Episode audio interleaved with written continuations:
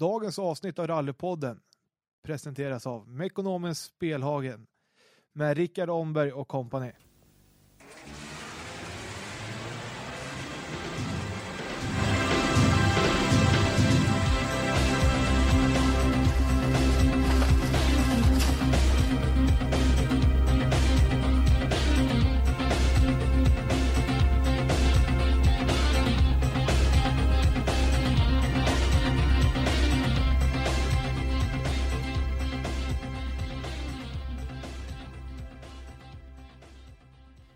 Välkomna till Rallypodden del 2 med Patrik Bart.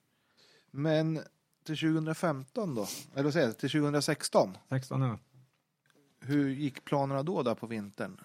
Alltså du hade ju varit med om ett bakslag så Mm. ville du knyta upp dig tidigt eller ville du se närmare säsongen kom? För mig så var det liksom 2016 var ju ett sånt eh, eh, år som jag hade väldigt mycket mål som jag skulle slutföra. Liksom sånt som jag byggt upp under eh, en treårsperiod egentligen.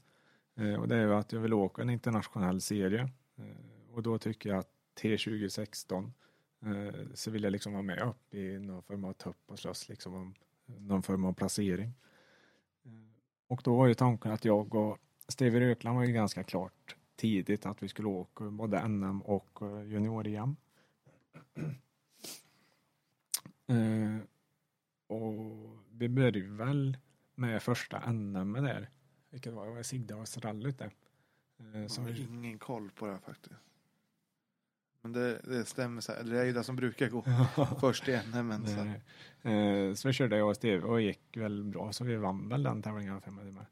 Eh, och sen så kom vi in på med Johan eh, Eh, Kristoffersson. Eh, återigen så skulle han ha vintersäsongen och köra rally liksom för att få mycket mil i bil och sånt där. Så vi började väl, då började väl med att köpa in en Mitsubishi som vi åkte lite småtävlingar runt om eh, hemikring kan man säga. Och sen så skulle väl avslutningen vara att vi skulle åka Svenska rallyt i Skåda Super 2000-bilen. Det gjorde vi också. Eh, så vintern var det ju jäkligt mycket bilåkning i alla fall. Och sen så kom ju pappa på det att fasen jag börjar på att bli lite halvgammal om man får säga så. Eh, så redan i början på året där så sa han ju att eh, ja men nu Patrik nu får du nog tänk på att kanske bli med ut och lära dig arrangörsnoter och uh, rådböcker och tidsplaner och allt sånt där. Så att du någon gång kan ta över liksom efter, efterhand då. Eh, Så det året var jag även med pappa ut och på alla tävlingar som han gjorde i Sverige. Eh, I alla fall då när jag var hem och hade möjlighet att bli med. Behövde han tjata mycket på dig för att få, få med dig? Eller var det så här, självklart pappa, jag följer med. Han tjatade inte mycket på mig, det var nog mer tvärtom tror jag. Um, men så nu var jag med ut på väldigt mycket tävlingar. Uh, och som sagt vintern så åkte ju första NM, eller två NM, nej första NM med med Steve, sen så hoppade väl Jim Järpe in till andra NM för då skulle jag åka med Johan. eh, som träningen för Svenska rallyt då. Och efter det så var det väl EM-premiär eh, för mig och Steve. Det var på Irland. Vi började väl och körde och Irland är ganska speciellt att köra på liksom. Det är, har man inte varit där så åker man inte dit och tror att man är någon direkt för det är svårkört och det är kuperat och det är uppåt och var är en blandning mellan asfalt och lera ungefär. Kommer på i en vänstersväng och alla hjulbultar till höger framdäck och då. Vi rullar ut över en kant där och slår i som bär busen. och det blir ju eller var slut, tävlingen var ju helt slut där liksom. Det, bilen tog det så pass hårt som vi fick, eh, eller det var ju karossbyte på den. Och i och med det så tog det ju väldigt hårt på budget och sånt också. Så vi sa väl att ja, okej, men vi får nog satsa bara på NM istället för på junior-EM. Och EM är ju, alltså med EM så är det, det är mycket öar man ska ta, alltså det är mycket båttransporter fortfarande under ett rally-EM. Så det är mycket budget bara där, till resor och det. Ja, ja. Eh, och det är som du säger, det är alltså det är många långa resor där och liksom när man åker, speciellt August TV, vi har ju liksom buss och trailer och sen så åker vi till alla platser själv i stort sett. Eh, men i och med att vi krasch eh, person som vi kört på Irland så fick vi ett erbjudande till M-sport, och det var väl M-sport Polen, eh, av att få hyra deras bil till Azorerna. Så det fick vi till faktiskt, och Azorerna med M-sport och deras team tillsammans med Kaitan. Sen var det också väldigt fränt liksom att komma ut på Azorerna. Det är en, det är en väldigt speciell ö. Det kan jag tänka mig. Alltså, man har ju bara sett eh, filmklippen och där uppe från vulka vulkanen. Det är ju, Ja, ja. det måste ju vara de snyggaste rallybilderna kan man ju ta på åren. Ja, det är det verkligen. En jäkla s- riktig frän faktiskt. Det är mycket roliga vägar och liksom själva rallyt är, det är superfränt liksom att vara mitt ute i havet och köra rallybil. Det är få förunnat. Du, det kan jag tänka mig. Och som sagt, riktigt schyssta vyer över, landskap och allting där. Men det hinner väl inte du se? Nej. Så god driver så mycket i, i, inifrån bilen. Nej, inte så mycket ännu. Det är inte det. Och sen hoppar du in till en, ja, du pratade lite här om Oskar Solberg. är, det, här- är det här första året ni åker? Det förstår jag ja. Eh, Jag var med Oskar faktiskt det var lite kul om det var. Jag åkte med Adielsson då i alla fall och det vet och det måste vara 2014 tror jag som första gången jag kom i kontakt med Oskar. Och det vet jag, jag satt på ett möte, jag och Mattias med honom i Göteborg och ringer telefonen och var typ halv åtta på kvällen eller vad det var. Och då var det ju Henning Solberg, alltså Oskar Solbergs pappa som ringer. Och han sa, ja, du, eh, Patrik, du, du är ledig nu va, för att åka lite rallybil? Så, ja, jag är i Göteborg så det är, liksom, det är kanske lite svårt just nu. Ja, men för imorgon så är du i Ricken till Rally Finskog och Oskar är ingen kartläsare. Ja, Oskar, var inte han typ 16, 17 år han? Ja, men han ska åka där ungdom så kan du åka med då eller? Ja, men för då måste han ju ha sån övningskörnings, eh, eller jag måste ha det för att få åka med honom. Eh, Men i så fall så kan jag bli med på liksom reken och köra igenom med noter och sånt då. Eh, Sen när klockan var nio så åkte jag ifrån Göteborg till, då sov vi hos Pontus, jag för att det var i Charlottenberg. Åkte dit och var där när klockan var en halv två på natten jag. Och ut på morgonen med Henning Solberg, han satt han bak. För Oskar han kunde inte notera någonting.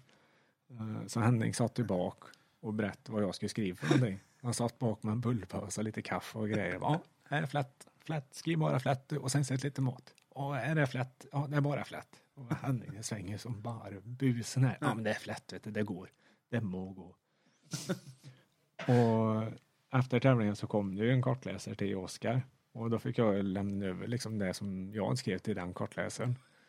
Och han liksom frågade, vad, vad, vad är det liksom, vad står det här för någonting? Ja, det står flätt. Läs flätt hela tiden så blir det nog bra det där ska vi se. Det har Henning sagt. Det du, har Henning sagt, ja. Han har kollat. Eh, nej, sen var det första jag var med liksom Oskar och eller då kände honom en del. Eh, och sen så är det ju så för Oskar och Pontus Tideman, de är ju halvsyskon. Eh, så man har ju genom Pontus liksom varit med Oskar en del också liksom och eh, lärt känna honom en del med. Och det var ju efter Irland i stort sett så hade jag och Steve diskussion att eh, det kommer bli för dyrt att åka junior-EM liksom med allt som är. Och mitt mål var ju att genomföra eller fullfölja en hel internationell eh, serie. Och i och med att Steve inte kunde åka så var jag tvungen att liksom börja på koll vad man kunde hitta på med istället för någonting. Så då satte jag mig och koll på anmälningslistor och sånt där att det är både EM och VM och andra mästerskap. Och såg jag att Oskar Solberg är anmäld till Portugals VM-tävling, eh, junior-VM.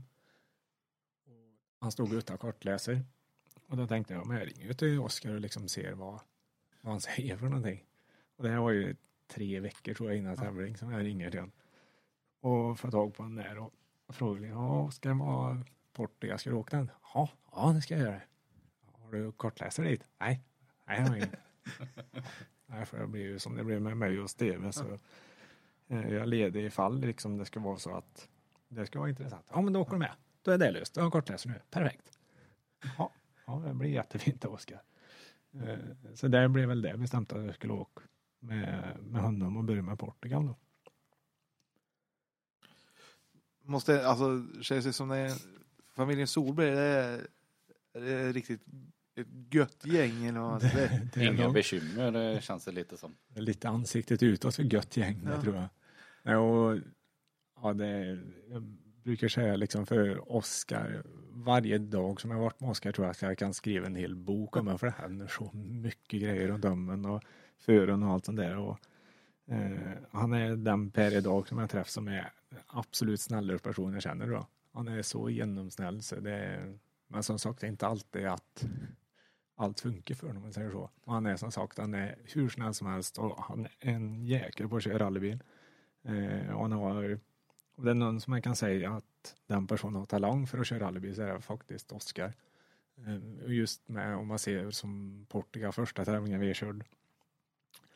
Eh, så vet jag starten där på Losada-sträcka på eh, rallycrossbana. Så går ju starten, sen går det hårnål vänster och det var ju i stort sett första gången han kör en R2-bil med cykellåda och allt sånt där. Och kommer ner till, eller startar, startar på etta, sen så växlar han upp till tvåa och sen trea och sen så kommer ju liksom svängen och han fyra. Oskar, fel håll, fel håll på växelspaken. Så det är liksom, någonstans där börjar vi. Och liksom den utveckling som han var på sen dess är, ja, han är helt otrolig den brukar alltså. Du, det kan jag förstå, men hur, vad tänkte du när du säger att han drar spaken åt fel håll ner i första sväng? Det är på varför utsätter jag mig för sånt här egentligen.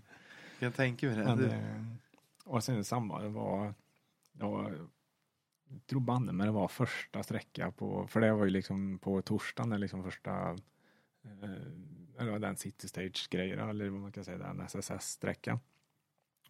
Och första sträcka på fredagen så kommer man ut på ett asfaltparti.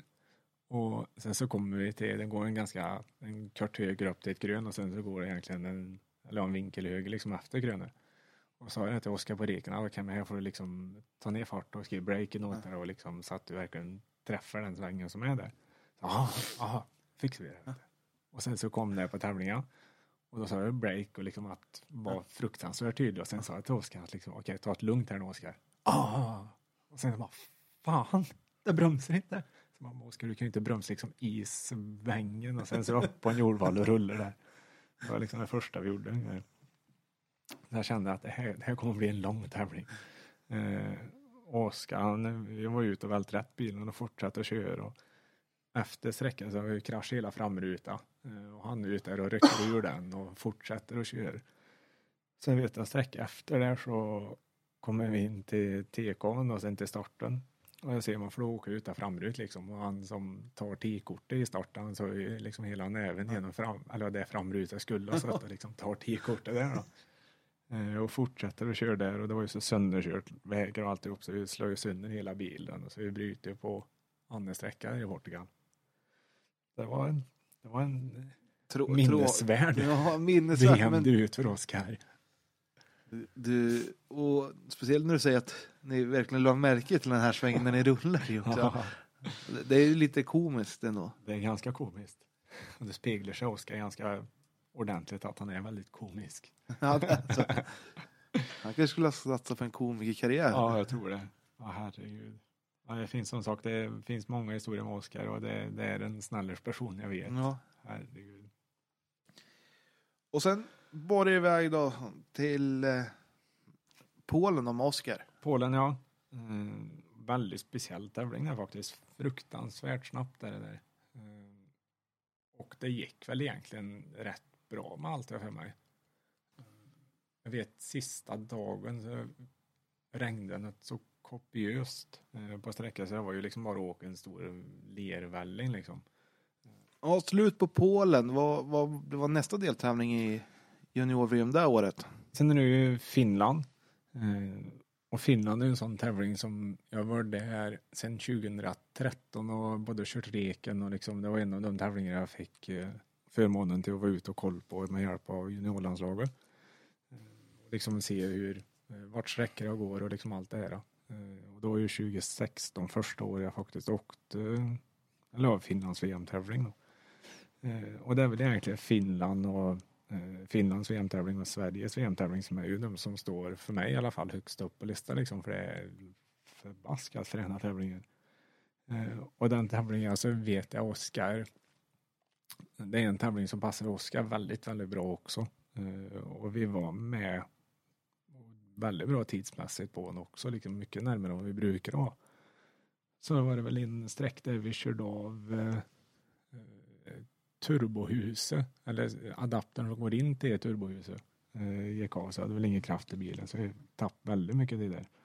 Eh, men jag kom i mål i den tävlingen och det var ju som sagt det var en superlärorik tävling liksom Ja. både för mig och Oskar och liksom få vara med om eh, för det är stor skillnad att åka i Sverige eh, om man jämför det med Finland liksom det är så stor skillnad på eh, hur man ska hantera allt sånt där och just placering av bilar på väg och allt det här det blir jättestor skillnad. Eh, så det är väldigt skönt att vara där och eh, ett par år innan och liksom kört reken och Jag tänker det blir helt annat spår. Alltså, där kan du nästan välja spår det går, med rallybilen också. Så. det går väl mycket spår och inte Ja. säkert att det, man tar det rätt. Eh, och just när det gäller noter är att det är eh, mer exakta noter på placering på bil och eh, sådana saker också liksom. Det blir jäkla viktigt. Förstår att, förstår att det blir, alltså över alla, det är ju, de som inte har varit i Finland så är det ju, varje sväng är ju nästan över ett krön, eller i alla fall. Ja, det går ju bara över krön och lyft hela tiden. Det gör det. Så det är, på det sättet är det ju väldigt speciellt. Och sen så är det ju så satans snabbt betvis också liksom. Nej, så det, det, det är nog en av favorittävlingarna skulle jag kunna tro, just Finland. Men hur är det där? Alltså när ni gör reken, ni får åka 70, eller vad har ni för hastighet? Ja, 70. Ja. Och bedöma om det är ett lyft eller om det är ett krön. Alltså, Det är inte alltid lätt. Och det märks bilen ibland också om det är lyft eller grön. Eller om det är ett väldigt stort lyft. ja, det är det jag tänker. Alltså, Ja. ja och det är, till slut får man ju någon form av känsla för liksom om det kommer att lyfta och sen som det kommer att lyfta ordentligt är liksom så man behöver ha liksom ett stort lyft eller liksom slow lyft eller något sånt där. Eh, så det, det kommer ju, men det är en sån sak som är väldigt svårt att liksom eh, och sett noggrant liksom.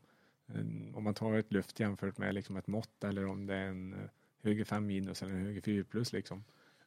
Så är det mycket svårare sett på hur mycket det liksom kommer att lyft på det här gröna eller stora lyftet liksom. För jag tänker det, när man kommer så där och du säger det går så sjukt fort också. Och sen har du någon så här, ja, krön, höger tre min, alltså det svänger rätt mycket bakom. Och sen att det lyfter till istället, det- alltså det måste ju vara en det ju, det ju obehaglig känsla om, det, om du har varit med om det. Ja, det har man definitivt varit med om.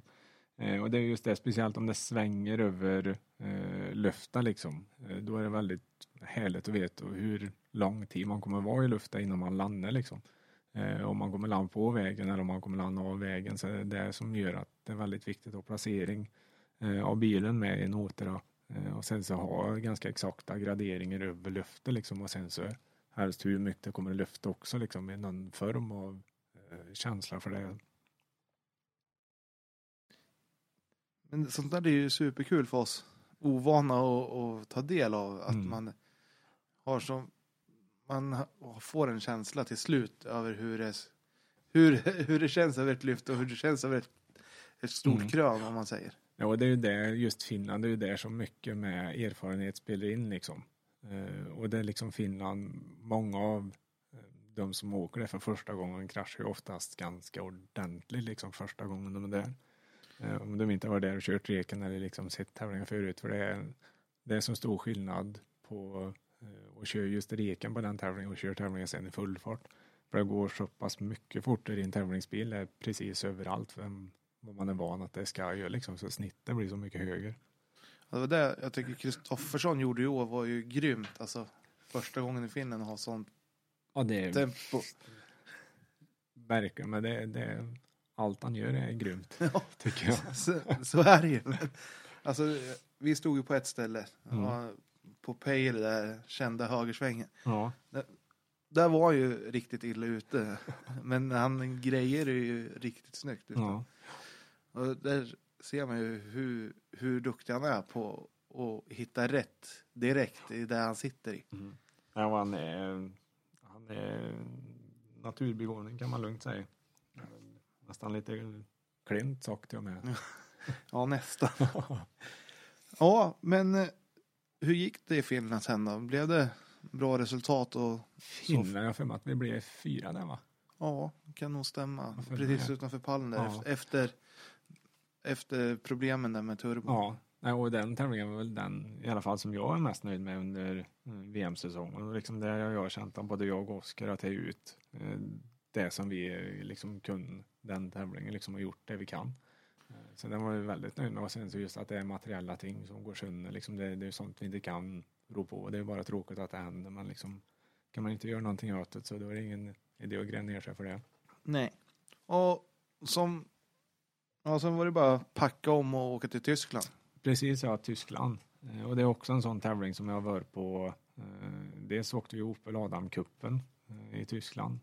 Sen så innan det så var jag med i juniorlandslaget. Eh, där och liksom kolla igenom eh, som sagt TK servicer och just hur platsen man skulle till såg ut. Så att det, och där känner man ju att det liksom hjälper ju till otroligt mycket att vara på ställ förut liksom så man är med på vad, vad som väntar en. Eh, och just hur stan är uppbyggd och liksom många sådana saker. Och kan göra det i lugn och ro istället för att sitta på tävling och liksom komma på alltihop då. Men Tyskland var också en väldigt lärorik tävling. Eh, Väldigt, eh, det är också en väldigt krävande tävling speciellt när du åker upp i Moseldalen och liksom bland vinodlingar och det svänger och svänger och svänger och smalt och det är grus och eh, ganska krävande tävling och som vi var in på förut lite grann med vart det kommer att komma grus i vägen och vart det inte kommer att komma grus i vägen och mycket sådana saker som gör den tävlingen ganska speciell liksom. Det kan jag tänka mig. Sen är det väl väldigt olika karaktär på vägarna från de olika dagarna också. Ja det är det. Det är, det. det är ju som i stort sett tre olika tävlingar liksom i en. Eh, Det är väldigt stor skillnad på, eh, på vägar och hur de är. Eh, Vilket gör det också mer intressant rally liksom att man ska behärska alla, alla typer av väg. För Måsatdalen där är det väl rätt fin asfalt alltså. Det är, jo men det är det. Om är jämför med Pansarplatten och Ja, precis. Mosseland och Mossedalen där, det är ju Eh, ganska smala, eh, fina vägar upp bland, det är vinodlingar och upp och ner och det är, så det är ganska tuffa vägar liksom. Eh, sen så har du pansarplattor, väldigt varierande underlag. Det är både asfalt och det är betong och det är olika former av betong och mycket sådana saker. Och den sträckan då var 4,2 mil någonting för mig. Och det var den första riktiga långa sträcka som jag åkt. Eh, och jag märkte det liksom, okay, men, eller var mentalt förberedd att åka en lång sträck liksom. Så jag kände ju att det var inte det som var, utan det var ju bara att komma in i, i, i flow liksom och, och köra på, för det är inte en sån väldigt krävande sträck just på det sättet att liksom det är svårt eller liksom eh, svåra passager eller något sånt. Utan det som är på den sträckan är ju oftast sånt som man är medveten om. Liksom. Det är sällan man blir på sängen på den sträckan. eh, mycket vägbyten där inne också. Mm. Fruktansvärt mycket vägby. Jag tror det var 148 våningar i rundboken. Så Det är en del, Det, det är en del. Så. Men ni kom ju i mål där också. Jajamän, det gjorde vi det. Och med ett skapligt resultat. Eller vad tyckte ni själva? Jag kommer inte ihåg exakt hur det blev. Ja, det blev faktiskt. en sjätte plats. tror jag. Sjätteplats, ja. Nej, och det är liksom, för, som sagt, mitt och Oskars mål, det var ju liksom att åka runt och det är så kul. Eh, och sen så var det ju det där liksom att få den erfarenheten som, som behövs för att ta ytterligare ett kliv sen. Eh, så vi nörde väl inte ner oss så väldigt mycket på, på resultatet. Det var mest genomför tävlingar och gör så bra vi kan. Eh, för det är, det är ingen idé att göra bättre än vad man egentligen kan, för då är det fruktansvärt stor risk att man drar av vägen och inte lär sig någonting istället. Eh, Så just det där med att komma i mål på alla tävlingar, det var väldigt viktigt för oss liksom. Men sen åkte du SM-finalen ihop med Oskar också det året. I Uppsala. I Subaru var väl det. ja, exakt. Eh, Och det var också en sån just med Oskar, för han har ju en otrolig talang för liksom han kan sätta sig i en bil och köra fort liksom. Det kvittar vad det är för någonting så kör han ju. Eller liksom han har ju grundtekniken för att köra fort. Och det vet jag väl vi och Pelle Wilén som slogs om, eh, jag tror det blev tvåa den tävlingen va? I otrimmat fyrhjulsdrivet. Tre. Trea blev jag. Ja. Då var det väl Pelle Wilén och vi som slog oss och sen så vem var det som vann där? Får, jag ska kolla det. Jag tänkte på en sak. Är Henning med och försöker komma in med tips till Oskar mycket eller? Och det är ja och nej egentligen. Eller Eh, han Henning- bara tar, tar Ja, ja. allt som man gör med en klackspark? Nej, Henning han har ju, alltså Henning han har ju otrolig erfarenhet av rally. Han har ju åkt allt som går och kör eh, och liksom levt på rally väldigt länge. Så det är klart han kommer med mycket idéer och tips eh, och han är absolut inte rädd för att prova eh, nya saker, liksom både med inställningen på bilen eller liksom körsätt. Men i slutändan så låter det alltid vara, ja men du må härja lite mer och det är bara att hålla bon gas. Ja, det är härligt att göra. Det var Kristoffer Karlsson. Kristoffer Karlsson, ja. var tvåa. Garningen. Ja visst. Ja. Nej, så det var just SM i Uppsala, det, det var en jäkla rolig tävling. Eh, och just att vara tillbaka på hemmaplan och eh, åka en SM-tävling, det var, det var skitkul. Ja, för du hade inte åkt alls mycket i Sverige, alltså det året. Nej, nej, det var i stort sett Svenska rallyt som, som vi började året med. Eh, och sen så var det ju en del med, med Johan där, liksom ett par tävlingar där också. Annars har det varit mest utomlands och eh, framförallt i Norge eh, som vi har åkt. Då var det mest TV som vi åkt eh, hela NM-säsong. Och Oskar, du avslutade ju junior-VM mm, i Spanien. Spanien ja. Och där gick det inte fullt lika bra. Nej, Fick ni kasta in handduken i alla fall? Ja, det fick vi göra. Det var andra sträcka på sista dagen som vi får in ett vägräcke egentligen. Eh, och bytt styrstag så vi inte kunde ta oss längre än så. Eh, och Spanien, det var väl första gången jag åkte. Jag var med där förut och eh, även där sett hur det går till liksom. Och var bekant sig med Salou eh, stan och liksom allt det alltså, Och det ger verkligen, det är ganska bra tips för de som vill ut och just som kartläsare i alla fall och liksom åk till platsen och se hur det ser ut liksom. För det, det hjälper just med stressen som blir annars när man kommer till ett helt nytt eh, ställe och sånt där.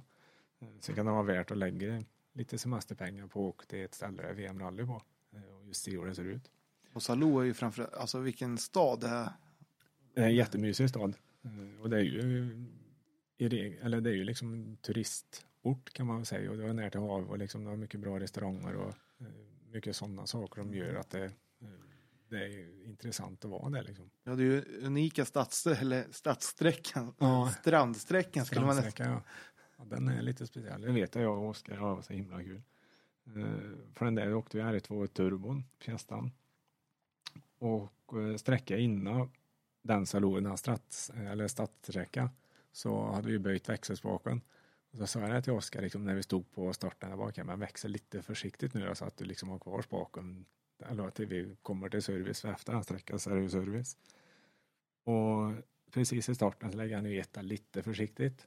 Och efter det så liksom launchar han ju och sen så när han skickar i tvåa så tror jag han tar i ifrån vindrutan i stort sett. och Tar i så mycket han orkar och skickar tå den växelspaken han får nu i handen där. Man liksom åker den bara, nu har icke spak.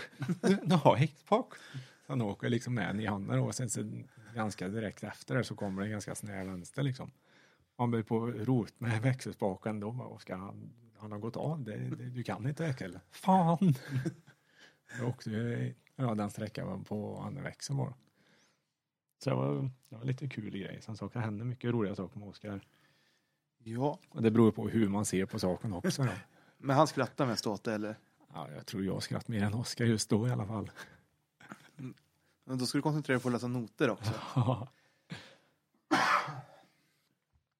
Men hur skulle samarbetet fortsätta under 2017 sen då?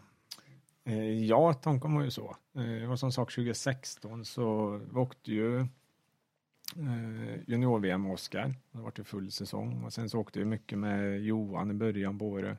Eh, Åkte en del EM-tävlingar med Steve. Mm, och sen så åkte jag full NM-säsong med Steve. Eh, och NM där är också en liten kul grej att eh, jag tror att jag kollar väldigt väldigt på det. Men jag är väl en av de få som faktiskt har ett NM-guld på riktigt. Tänkte jag säga, en NM-medalj som svensk. Eh, för det var ju, Steve vann ju, eller vi vann ju norska, norska mästerskapet i våran klass. Och det är ju så som svensk så kan du inte ta nationella mästerskapspoäng liksom om du inte är eh, norsk i det fallet. Då. Eh, och då satt jag och Jan, eh, pappa till Steve och liksom lusläste lite regler och sånt där och då står det att det är eh, internationellt eh, eller professionell co-driver och liksom arbetar med så kan du ta nationella mästerskapspoäng. Eh, även om du inte är från det landet liksom. Eh, men då var du tvungen att påvisa att du är liksom, eller att du är professionell då det ska vara ett intyg ifrån Svenska Bilsportförbundet. Eh, och det där har jag tagit hem med ett sånt intyg eh, så jag fick ett på att jag var professionell kortläsare.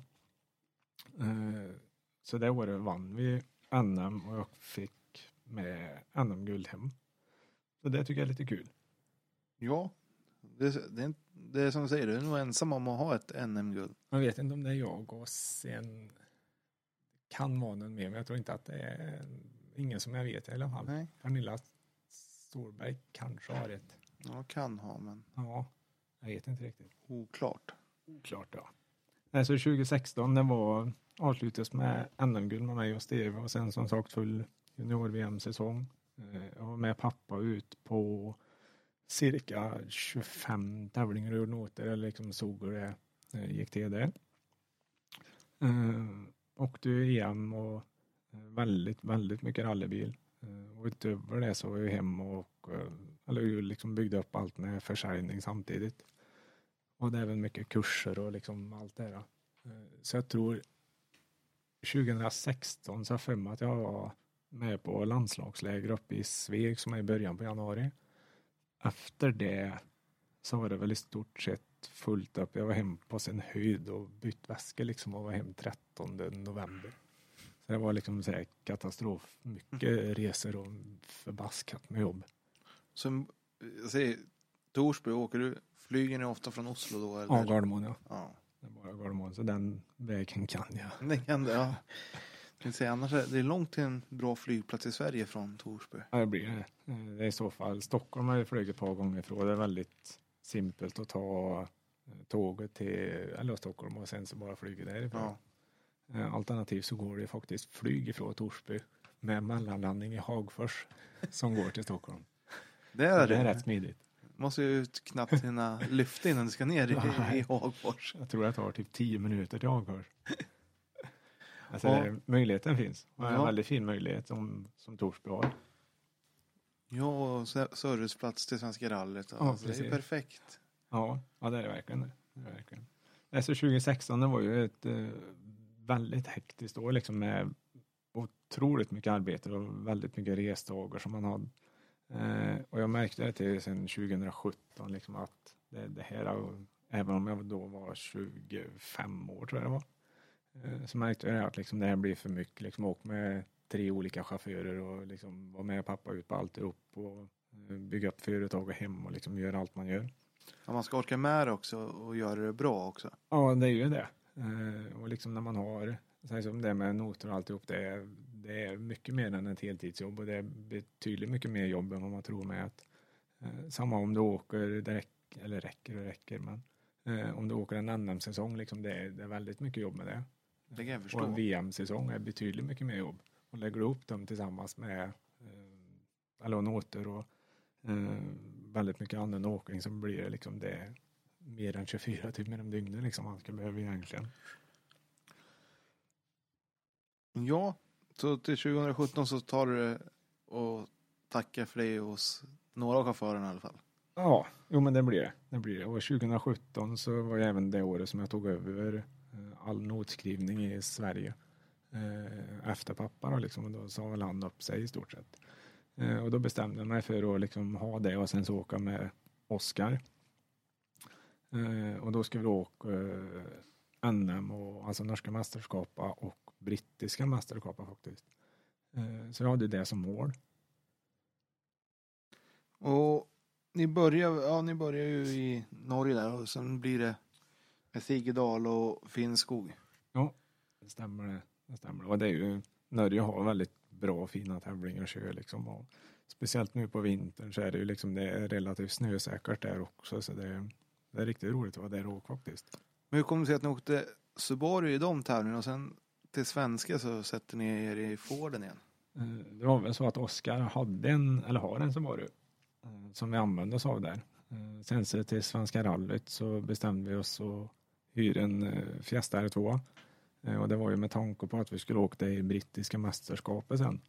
Eh, Så var det ju en samma bil och tänkte att då åker vi en R2 i, i svenska också liksom för att få in mer D2030 jämfört med Subarun då, för det är ganska stor skillnad på, Ja, jag tänkte säga det, det måste vara stor skillnad. Det är ganska stor skillnad ja. Det är det, så det eh, och varför vi åkte till NM det var ju bara för att han står hemma och liksom, då kan vi lik gärna ha den liksom.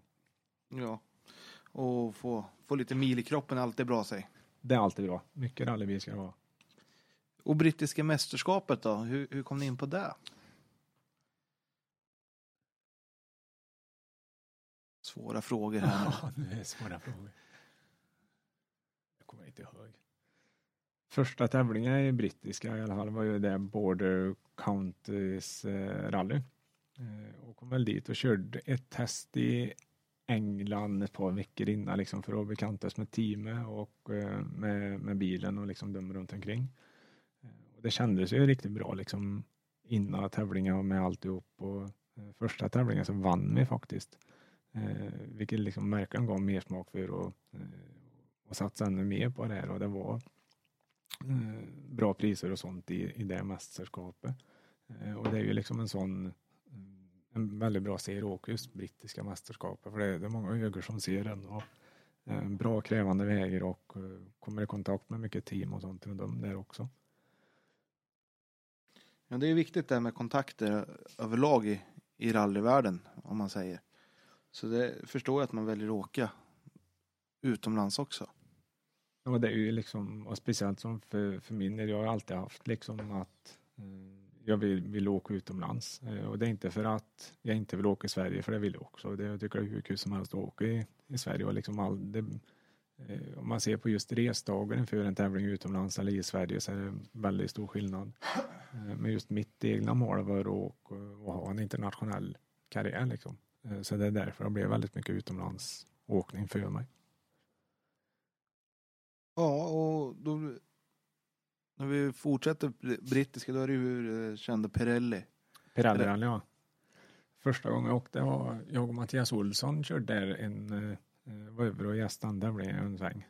Och det är ju också det är samma, det är riktigt fräna vägar och resultatet blev väl inte samma som i första tävlingen.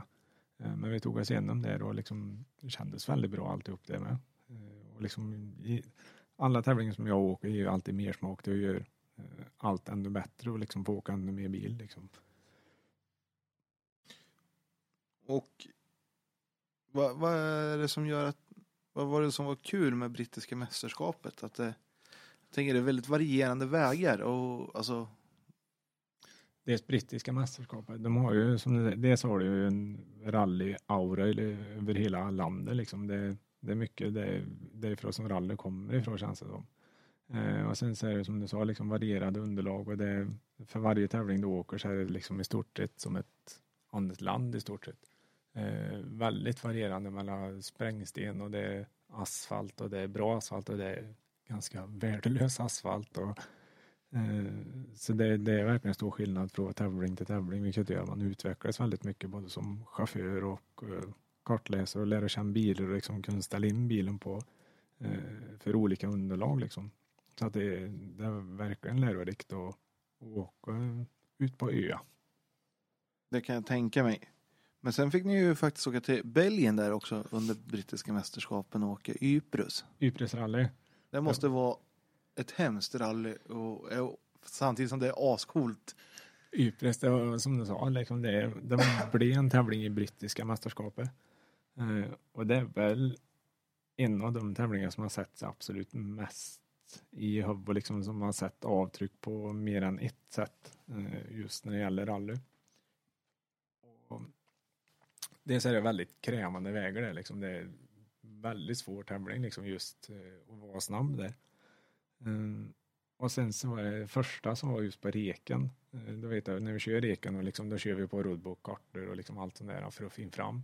Och då märkte vi det ganska snart. Ja, roadbook, för i Sverige så har du ju liksom du har ju totalmått, delmått, en skiss och sen så har du informationsruta och hur långt det är kvar till nästa TK liksom. Så är en roadbook uppbyggd. Eh, och det tillsammans med liksom olika riktlinjer och sånt. Och eh, skyltar du ska följa och allt det där. Men just Ypres, så vad jag tror så har de ju bara ett hej, typ totalmått och sen så har de höft och sätter hur som helst i delmåttet. Så att liksom det var otroligt svårt att få in fram det liksom överhuvudtaget. Eh, och sen så heter jag tävlingen start. Eh, och Ypres så startar du i stort sett på eller lunchtid liksom och sen kör du till sent på natten. Eh, och i två dagar. och mm, vi körde, jag tror det var på, om det var andra eller tredje sträcka så rycker vi en drivaxel. Eh, och rycker du en drivaxel på en sån Fiesta liksom, eller en framhjulsdriven bil, liksom, du ska inte ta det så himla långt egentligen. Och men Oskar var ju mer än bestämd på att ja, vi ska in på service. Och liksom, vi, vi ska i mål på den här tävlingen för det är liksom det är bara så. Och jag vet när jag kom tillbaks till eh, var det sista sträckan innan service så vi stoppar på sträckan så är det en ganska lång uppförsbak. Och kom upp för det med liksom en drivaxel och liksom han bara differ fast på fel, fel hjul och grejer så att det driver ju ingenting. Och så Oskar, det här kommer inte att gå, vi kommer inte att komma upp för den här backen Oskar, liksom, det går inte. Jo, det ska vi skåra, det, ut och skjuv jaha. Och ut där och pröva, nej men liksom det går ju rätt upp, vi kommer inte komma någonstans här. Och sen kom vår våran teamkompis eh, som startade bakom oss, kom i mål. Oskar sa, ja men bytt på med bilen nu. Och han tog i och han brände ju kopplingen där bakom oss. Jaha, fasen. Eh, och sen så liksom det där fyllde på, vi stod ju där hur länge som helst liksom. Eh, och sen till slut kom det väl, jag tänker det var en 30 pers som liksom tog tag med boxerlinor och liksom sköv bilen upp för hela backen. Det var liksom en back på 150-200 meter. Och de slet ut sig som djur där. Eh, Men jag kom upp för backen i alla fall och in på service och eller jag fixade liksom drivaxeln då, så att vi kunde fortsätta. Så det, det var kämpaglöd om någonting var. Kul när man får hjälp av publiken så där också. Att de, att de ställer upp på, Även på transporten. Även på transporter. Ja. Även fast det kanske inte är tillåtet i alla lägen. Inte alltid men. Men det då. som inte syns, det finns inte. Nej, precis. ja, och sen så i alla fall fick vi ju till med drivaxel där bytte den och eh, gjorde så att bilen funk. Och ut på nästa sträck och den gick väl helt hyfsat. Eh, sträcka efter det så var det som vi var in på förut ute i Tyskland där man var förutspå vart det är grus och liksom allt sånt där på vägen. Eh, och Ypres är ju en asfaltstävling. Eh, men det är väldigt mycket liksom skit som kommer upp på vägen med grus. le, alltså, och lera filmerna och- det ser ut som en leråker ibland. Ja, och det är det verkligen. Och då var det ett ställe där som vi förutspådde, liksom, okej här kommer det vara grus i hela vägen så att liksom här tar vi in typ super slip break i inbromsningar för att gå det till en, eh, en vinkel högre vägskäl i stort sett. Och jag läste det för Oskar och han antingen så lyssnade han inte eller så hörde han inte eller så gav han helt enkelt bara fan i. Eh, och liksom går alldeles för fort. Han börjar på broms när det är grus liksom. Och vi åker ner i det Djupurs krondike som är på i hela Belgien tror jag. Eh, och det tar ju tvärstopp. Och vet, jag var ju med på att det liksom skulle ta stopp. Och så jag började på liksom att spänna och var redo Ja. på att det liksom tar bra stopp. Och när det väl tar stopp så går fästa till fotplatta liksom av så jag blev hängdes med hela skrytmåns i bälten liksom. Aj, aj, aj. Och det, det är som sagt, det tog fruktansvärt stopp. Jag läste väl noter i falsett hela vägen till mål. Jag tänkte säga det. Eh, Den inkorven skulle man nästan vilja sett. Ja, det tror jag inte. Eller Eh, med sucken. Hela... Oh, oh. Eh, Man kommer i mål i alla fall, men då har vi slagit sönder eh, i stort sett alltihop eh, till turbon. Det var inte cooler och det var alla turborör och alltihop, så han gick ju kast bilen liksom och inget, inget tryck i motorn alls. Man kommer i mål på sträcka i alla fall. Och nästa sträcka så sa jag till Oskar, okej nu kör vi den här sträckan och sen så kommer vi tillbaka till, till service liksom, får vi fixa allting då. Så, ja, ja, ja, fixar vi det vet du, åker vi sträcka här. Och kommer att vara tre svängar eller någonting och kommer in i ett vägbyte. Det var ju lika, liksom, det var ju grus och grejer i det vägbytet också. Eh, och eftersom det inte är en örk i motorn och liksom kommer in med en och sen så får vi sladd, då kan ju aldrig häva så vi gick ju baklänges ner i ett dikeställ. Det blev ju också. Eh, och jag sa det till Oskar, nej nu- är det ingen idé att vi fortsätter. Liksom, nu har vi stått i hur länge som helst på på alla sträckor jag kört och liksom, vi hur Och, långt bak som och, och helst. bilen ser ut som en Ja, folkbil. Ja, ungefär. Eh, sa jag nej men nu, fan, nej jag ska i mål, jag ska köra. Ja. Och sen in på service och byter intercooler och alla turborör och allt vad det är och ut igen och liksom det första som händer är att han liksom, han laddar ju ingenting bilen så han går så dåligt. Och liksom jag, då vet jag, jag blev så himla trött på rally så jag ville ju bara liksom gå ur bilen och gå och lägga sig liksom och då började klockan bli en tio, halv elva på kvällen också liksom och ha ett par sträckor kvar att köra och vet att bilen går liksom hur kast som helst. Eh, Oskar var ju mer än bestämt för att ta sig i mål. Eh, och det gjorde vi. Jag vet vi gick i mål var och halv ett någonting på natten tror jag. Inne Ja. i Ypres där och då var det världens det riktigt frän tävling att faktiskt. Och då kommer du in på, eller målrampen är ju på, eller i byn där kan man ju säga då. Eh, och Parkfamiljen är ju typ ett diskotek. Så där blev man ju. Med overall och alltihop. Så det var en jäkla rolig tävling. Det kan jag tänka.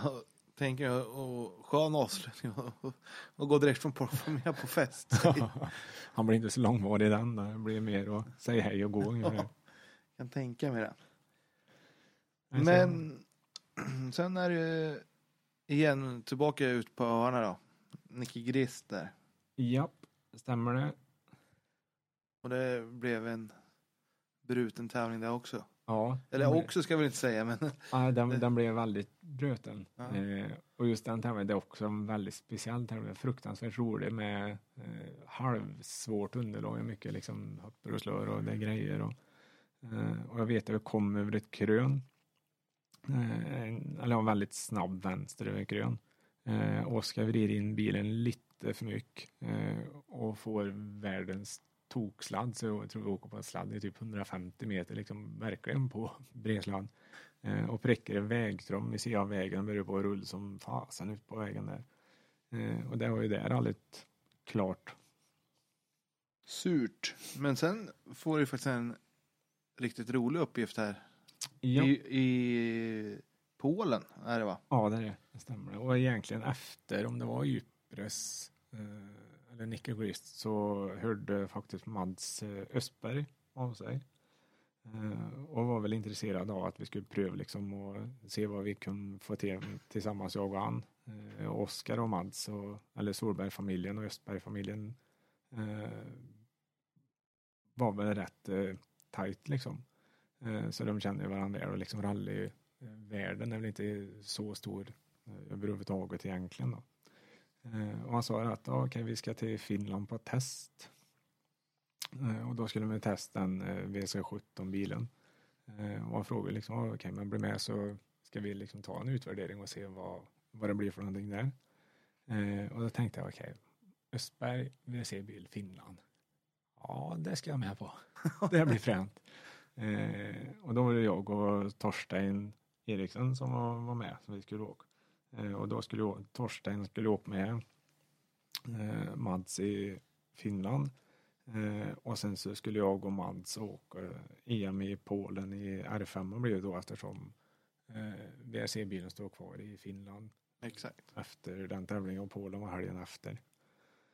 Åker med på test i Finland där och det, det är nog en av de brutalaste upplevelser jag har gjort i en rallybil i alla fall. Jag tänkte säga det måste ju vara det coolaste man kan göra med, med kläder på nästan. Ja, det, just, ja det, var, det var helt brutalt alltså.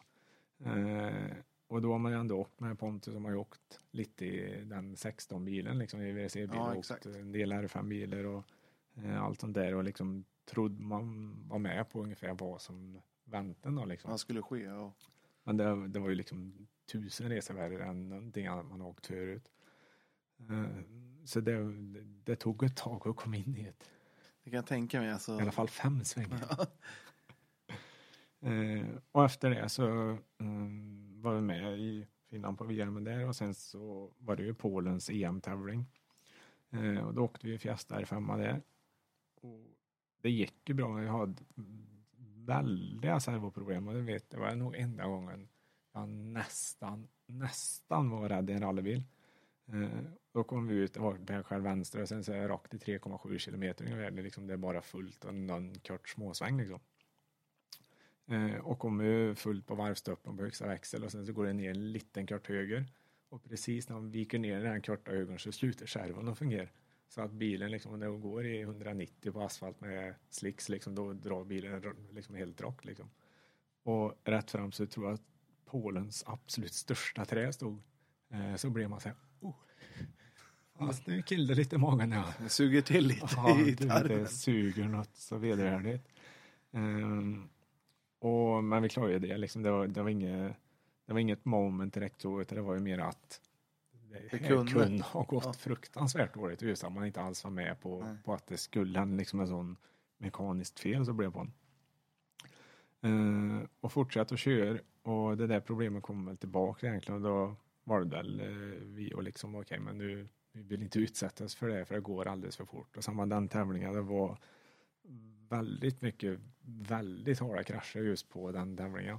Eh, och vi vill inte vara en av dem som kraschar och speciellt inte av en mekanisk sak som liksom går sönder utan då var det att bryta en tävling helt enkelt. Då. Det, det är klo- alltså, då är man glad att man har blivit lite äldre och lite klokare, att man tar sådana beslut kanske.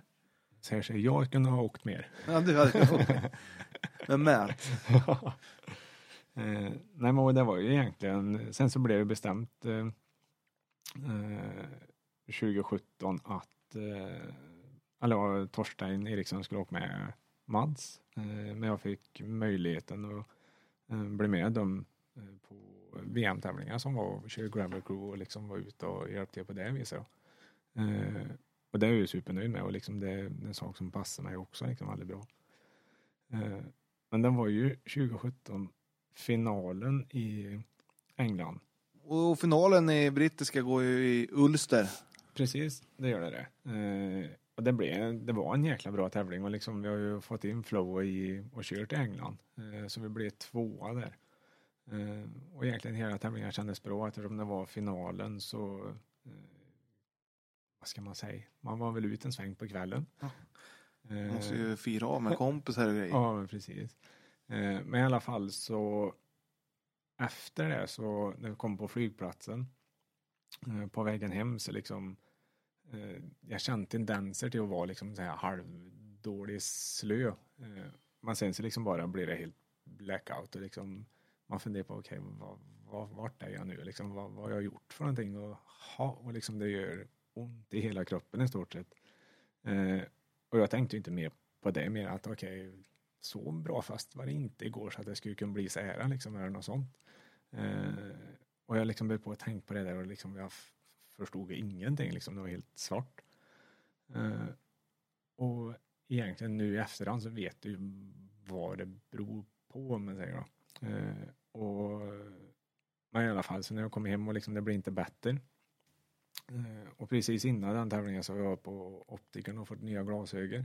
Och då tänkte jag, det måste vara dumt säkert som gör att liksom eh, att man blir väldigt dyr i huvudet och liksom Ja. glömmer alltihop och inte fattar någonting i stort sett. Eh, och sen så var jag till optikern och fick nya glasögon men det blev inget bättre av det. Eh, och sen så tänkte jag liksom, okej, vi har haft två allvarliga hjärnskakningar, en hjärnblödning och tre lätta hjärnskakningar. Jag undrar om det är det som kommer ikapp nu då. Så ja, får väl liksom vänta ut det och vila lite grann. Eh, Så egentligen efter den tävlingen så var det ju bara att vila otroligt mycket liksom. Och liksom söv och allt sånt där. Men liksom efter ett tag så liksom när man vaknar och kallsvettas och spyr och blir näsblod liksom och det Det är inget bra då. Ja, det, det, då vet man att det, det är liksom någonting är det som inte är rätt. Eh, och liksom det där fortsätter ju ganska länge liksom.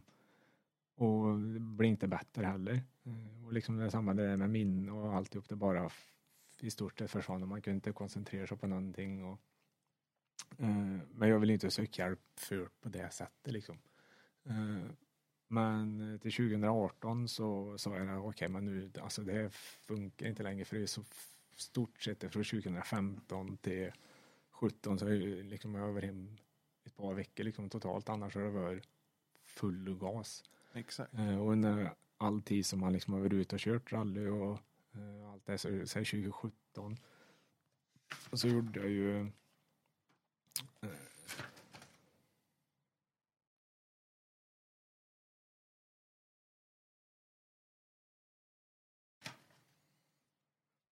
...2017 så gjorde jag ungefär 39 tävlingar samtidigt som jag körde liksom brittiska och liksom var med Östberg och de här. Och, Eh, verkligen la ner sig när man väl var hemma på liksom försäljning och den här biten. Eh, så det har ju varit otroligt, otroligt alldeles för mycket jobb liksom. Och det, det som man har märkt nu är att just när man håller på med någonting som man verkligen brinner för som jag gör för rally och allt vad som liksom åker rallybil, eh, jag är aldrig så glad som när jag sitter i en rallybil och läser noter liksom.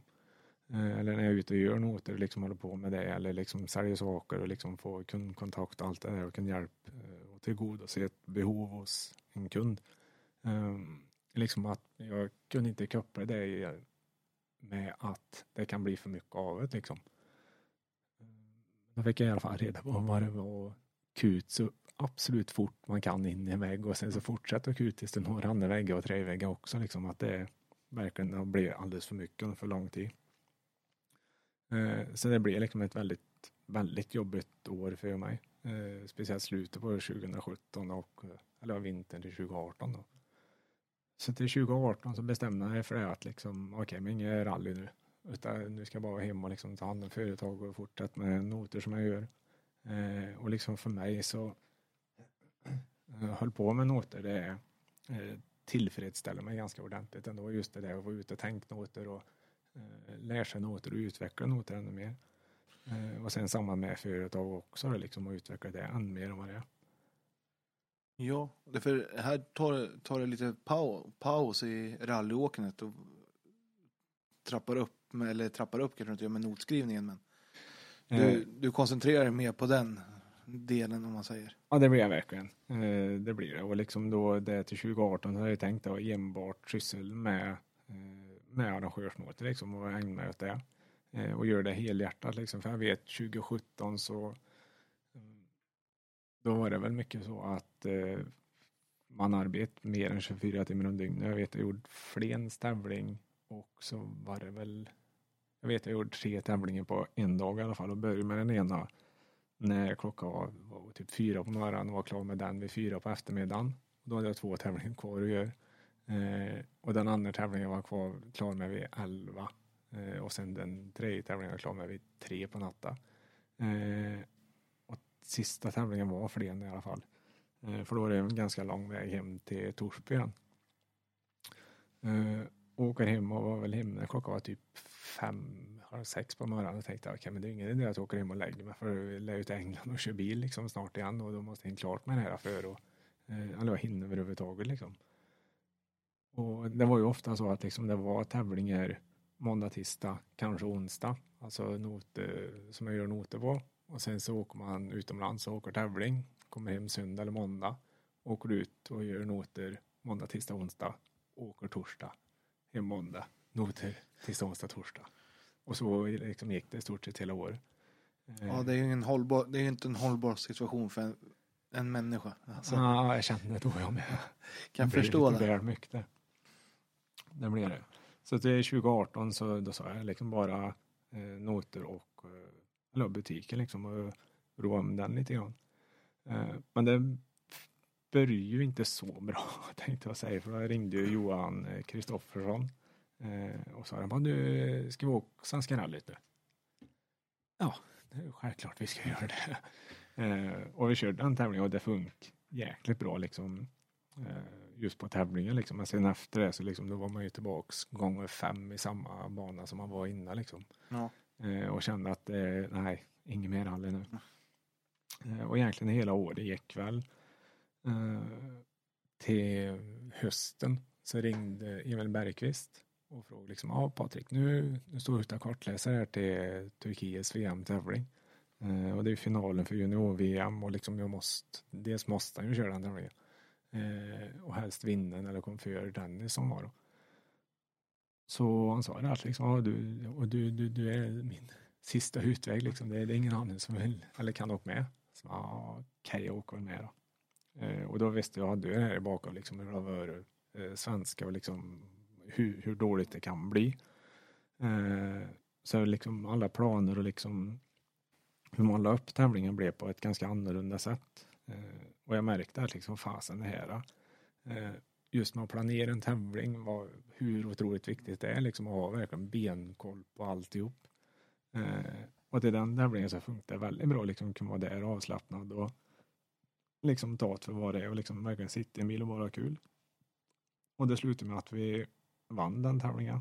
Eh, och där liksom vinna en, vinna en tävling är coolt men vinna en junior-VM-final det är jäkligt fränt. Det kan jag tänka mig. Och all, upp, alltså, all uppståndelse som blir. För Emil blev ju världsmästare också. Mm. Ja, Samtidigt. det blev han han. Så det var, och det, det var otroligt fint. Det var ju första tävlingen som jag och Emil åker med varandra. Liksom. Eh, och det klickade ju direkt mellan mig och Emil. Eh, tävlingen gick bra. Liksom, det var, allt var superkul och liksom, då, då kom ju suget igen. Liksom. Och nu, eh, när man la upp tävlingar på ett lite annorlunda sätt eh, så kunde man ju liksom genomföra det också utan att liksom vara helt förstörd liksom, när man kom hem.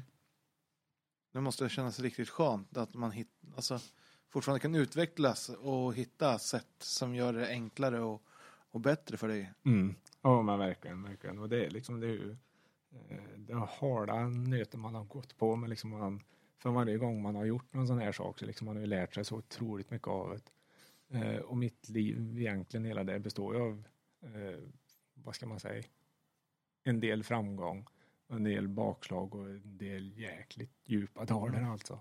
Eh, men för varje sak som händer liksom som eh, är så, det är liksom man kommer starkare ut av det och eh, lär sig mer om hur man själv fungerar och eh, hur andra fungerar och liksom vad man kan göra för att förbättra sin egen situation. Liksom. Nu, det, för, alltså, det förstår jag. Eh, riktigt kul, eller kul ska jag väl inte säga. Men jag vet inte vad man ska säga. Att det, det, det är en bra, bra balans att ha och hitta sig själv. Ja, men precis. Ja. ja. Eh, och det är ju liksom av, av misstag och sånt lär man sig och ju värre misstag man gör, ju mer lär man sig. Eh, och det behöver inte vara misstag, det kan ju liksom vara saker man eh, säg som skadan liksom eller liksom det jag, jag är en helt annan person på grund av den. Eh, och man lä, har lärt sig saker som gör att man tänker på ett annat sätt eh, och respekterar verkligen saker och andra personer också på ett helt annat sätt. Eh, och liksom ser på det mesta på ett, försöker alltid ta det positiva ur allt som går liksom för allt eh, negativa eller mindre bra liksom man, man kommer inte så långt med det i längden liksom utan det gäller att vända sådana saker ganska eh, fort och tänka på ett annorlunda sätt som gör att eh, antingen kommer gynna eller liksom att eh, man mår bättre av det liksom som person. Och det är ju det viktiga, att, vi, att, att må bra, för då, då blir det mesta roligt och att man koncentrerar sig på de saker som gör att, som du säger, att det som är bra lyfter man. Det andra kan man lägga lite bakom sig, det som man inte vill ha med sig i ryggsäcken. Ja, ja. Nej, och det är ju så. Det är, det är absolut inte lätt att göra det. Och man måste gå på ett par nitar för att liksom lära sig typ sådana saker liksom. Men det, eh, mig har det hjälpt otroligt mycket och ändå kom ner i de dippar som man har varit i och liksom gjort det man har gjort. Ja. Och om vi fortsätter, alltså. Du åkte ju ett par tävlingar under året också. Eller året, förra året, 2019. 2019 ja. Eh, Emil som sa, han vann ju junior-VM. Eh, och i och med det så vann han ju eh, bil Eh, tillsammans med startavgifter, däck och bränsle till 2019 års säsong eh, av VM och då var det VRC2. Jag eh, vann en R5-bil, en Fiesta. Och vi började ju i Svenska rallyt och Emil Bergqvist är också en sån person som är, alltså han har en talang som är ja, grym. Ja, den är grym på riktigt den. Och jag vet i svenska 2019 så han hade väl inte åkt R5-bil på par år i alla fall. Nej, stämmer. Eh, Och till den tävlingen så fick vi ett test, jag tror vi körde om det var fyra eller fem mil. Eh, eller var test liksom en R5-bil. Eh, åker svenska. Eh, det är samma där, liksom tog med sig allt som vi hade från Turkiet. Eh, till svenska just med planering och liksom allt det här och liksom hela tävlingen flöt på otroligt bra. Eh, och kändes riktigt liksom bra alltihop och jag och Emil funkade perfekt och liksom det var väldigt bra noter och allt det här. Eh, Så vi blev fyra i den tävlingen, eller svenska. Sen så var ju nästa tävling var ju Portugal. Eh, Och den tävlingen körde vi funkade jäkligt bra där också. Ja, ni tog en pallplats där alltså. Det är ju Ja. riktigt grymt. Ja, alltså det blev ju två. Eh, och det var, det var riktigt, riktigt fränt faktiskt. Det var det. Eh, och sen så efter Portugal så skulle det bli Sardinien egentligen. Eh, men där satt väl mycket omständigheter stopp för våran liksom, satsning på, på rally. Liksom, så att det, eh, det blir inte mer än svenska och eh, Portugal för oss. Det är ju synd, alltså ni hade ju något stort på gång där också. Och synd att det inte går att fullfölja på grund av olika anledningar. Ja men precis. Det är liksom, eh, och sen, som person som Emil är liksom, han förtjänar verkligen att sitta i en, i alla fall en R5-bil liksom på, och köra på heltid i stort sett. Eh, För han är en sån super, super talang på att köra bil så att, och liksom han lägger upp saker så himla bra. Eh, Och just att det inte kan gå hela vägen, det är liksom det, det är görtråkigt tycker jag. Ja, det är alltså det, svensk näringsliv behöver komma in mer i, mer Det i tycker jag. sporten. Det tycker jag. Och kunna lyfta våra stjärnor vi har. Mm, mm. Ja, för vi har verkligen vi har många personer som är eh, eller chaufförer och kartläsare som har det som krävs för att ta ett steg till och liksom åka och bli eh, professionella chaufförer och kartläsare eh, ute i världen liksom. Och det är det som är lite tråkigt att läsa så här. Vi som är i sociala medier och det, att det alltid kastas så mycket skit på, på svenska förare fast Mm. vi har ett riktigt bra utbud av chaufförer Mm. med stor potential. Men det finns inte pengar eller vad man ska säga, ja pengar framför allt och bygga vidare sin karriär på. Ja, och det, och det är just det, det är, ju, det är ju sorgligt att säga men det är ju pengar som krävs liksom för, för att ta sig ut. Eh, det kommer man inte ifrån. Och jag vet inte egentligen Sverige att, för Sverige är som det är inte dålig ekonomi i Sverige så pengar liksom, det finns ju, det är ju bara att liksom få fram dem och få dem till, eh, till rätt saker liksom som är det som är väldigt svårt. Ja, det läggs på väldigt mycket andra saker som, som inte vi är intresserade av heller. Det gör det, men det, man ska respektera det liksom. Och det, för företag så är det ju en, en marknad man ser för liksom. Och det, det är klart de kanske tjänar mer på en logga på något division 3 fotbollslag än att se någon som åker rallybil i Mexiko. Eh, så det får man ju respektera liksom, för det är ju, det är ju deras pengar. Det är ju eh, någonstans vi som ska göra saker och ting bättre för att det ska bli mer attraktivt för, för företag och liksom marknadsföra sig genom motorsporten. Verkligen. Och jag tycker det är superkul att se att SVT fortsätter satsa på, på att sända VM-deltävlingar. Alltså det, det, till sist kommer det ju tillbaka någonting till sporten av sådana grejer. Mm. Ja, och SVT de gör ju ett jättejobb. Eh, och jag menar det är samma sak som eh, det vi gör här, liksom eh, eh poddar och sånt och liksom lyfter eh, motorsport och rally framför allt liksom. Eh, så att det blir en del av eh, att man förhoppningsvis får komma ut mer i media och liksom ta den platsen som eh, jag ändå tycker att eh, alla som håller på med motorsport är värd liksom. Exakt. Ja, då är vi framme vid dagens datum. Dagens datum ja, det var en lång väg dit. Ja, men eh, du, du står ju redan med i en anmälningslista till i år. Det stämmer. Eh, och då går vi återigen till eh, egentligen det jag och Pontus avslut eh, 2014. Eh, för det är väl så att jag och Pontus Tideman är anmäld till Svenska rallyt nu till år eh, tillsammans med Toksport. Så vi kommer att åka i VC2-klassen. Och den här möjligheten är ju, alltså det, och jag och Pontus vi har ju hållit en väldigt bra kontakt sen vi slutade åka med varandra egentligen. Och vi är väldigt mycket samma skrot och korn jag och Pontus och vi går väldigt bra ihop liksom och vi båda vill verkligen samma sak. Eh, och nu när jag samlar på mig eh, betydligt mycket mer erfarenhet eh, än vad jag hade när vi åkt med varandra sist så tror jag att det kan bli jäkligt bra. Eh, och det första som är ju Svenska rallyt. Eh, sen får vi se om det kan bli några inhopp i eh, SM till exempel eller något sånt där. Eh, men det är liksom svenska som har sagt nu att det är där vi börjar och sen så får vi se vart, eh, vart det bär an. Eh, och det är ju mycket samma där liksom med ekonomi och allt det här. Det är inte lätt att få till eh, liksom en, en satsning i VM. Nej, det ska till mycket. Och det som skulle klaffa med kartläsare eller vad som. Alltså. Ja. Och det vore väl superkul om ni kommer till SM också. Alltså, jag tror R5-klassen i SM i år känns som att det kan bli riktigt, riktigt frän faktiskt. Det tror jag definitivt. Eh, om man ser liksom de namnen som är på tapeten just i SM så liksom det är, eh, det är väl värt att ta den tanken och liksom kör, eh, kör svenska mästerskap och det är, det är en fruktansvärt fin serie att köra.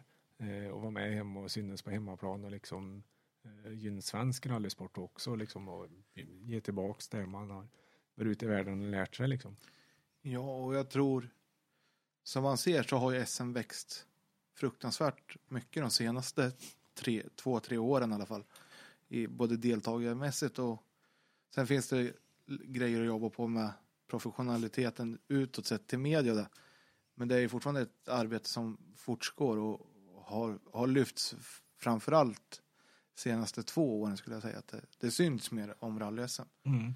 Jo men det, det har det och liksom SM det, det börjar på att komma till den statusen som det är värt om man ser liksom eh, mediamässigt att det är eh, nu är det värt någonting att köra SM och liksom det, är en, det är en skillnad på att köra SM jämfört med eh, en vanlig liksom hemmatävling om man säger. Man ser tydlig skillnad på eh, att det är ett SM och svenskt mästerskap både på deltagare eh, för liksom de som kör SM i år eller jag som nu och liksom har kört förut eh, det är så otroligt hög standard på dem och liksom, det är ju bara att se på sig som Lundström och de här eh, som har varit och kört SM och åker ut och liksom kör Spanien är med otroligt bra där. Eh, och liksom gör en sån karriär där också liksom och hävdar sig ordentligt utomlands också liksom. Ja, det, det är superkul att se faktiskt. Mm. Ja, verkligen.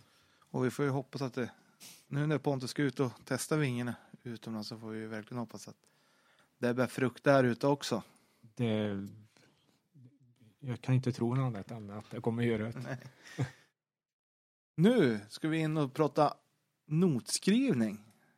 Hur kommer du in på den här linjen? Du, Gunnar Bart, noternas general, eller vad ska man säga? Han är inte grundare av, av notsystemet, men han är den som har skrivit allra flest tävlingar i Sverige i alla fall. Ja men det är det ju. Det är det ju. Han har skrivit, eh, jag vet inte exakt datum eller år när han började, men jag tror att det var i början 2000, slutet eh, 90-talet liksom. Eh, Eh, det har ju alltid funnits i familjen mer eller mindre i och med att pappa alltid har arbetat med det liksom, så, så länge som jag kommer ihåg i alla fall. Eh, och det var som vi var inne på i del ett där att eh, jag har ju aldrig varit intresserad av rally på det sättet. Eh, utan för mig har det alltid varit min egen karriär i och med motocrossen och den här. Eh, men i och med att man började med rally eh, och fortsatte med det så liksom någonstans bakom så kom det ju ändå att ja, men noter och sånt det, det kanske är det som man ska livnära sig på. Det är ju en sån sak som man inte utsätter sig för de risker eh, som finns liksom i och med att sitta i en tävlingsbil. Eh, och i och med de skadorna som jag ändå har så liksom utgör jag en risk oavsett om man håller sig på vägen eller inte.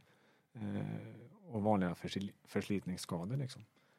Eh, så 2016 så började jag på att vara med pappa ut på alla tävlingar som jag var hemma på, hade möjligheten att vara med ut. Eh, och då satt jag ju bara bredvid en liksom och såg hur han gjorde och han knäpper in noter på eh, i den liksom, vad ska man säga, gammal dashen, det ser ut som en gammal iPad ifrån tidigt 2000-tal. Det är liksom, de hade inte att göra ritningen på blueprints. Så sätter ju den liksom själva platta ut koordinater. Eh, och sen så har vi ju alla markeringar som var liksom med alla mått och alla graderingar på sväng och sånt där. Eh, sen har man som en, det är som en mus, liksom en vanlig datamus eh, som man trycker på så får man in de symboler och tecken liksom in i datorn i vårt program då, liksom. Som gör att man får in, eller får in det i datorn liksom, så att det blir istället för att skriva så kommer det där. Eh, så det var ju med en ut. Eh, väldigt många tävlingar 2016 och liksom bara se och lä liksom. Eh, hur man gör, vad man kan tänka på. Just det här med en sak som slog mig eftersom jag åkt mycket bil innan det. Mm, men just det här med roadbook, liksom hur man bygger upp en roadbook och vad man ska tänka på. För en vanlig, eller just för mig som kartläsare liksom innan jag kom i kontakt med det. Så tänkte man ju aldrig liksom på hur en roadbook är uppbyggd eller liksom vad man ska tänka på i en roadbook och eh, sen med ut på sträckor liksom med varningar och hela den här biten. Det var liksom väldigt nytt för mig.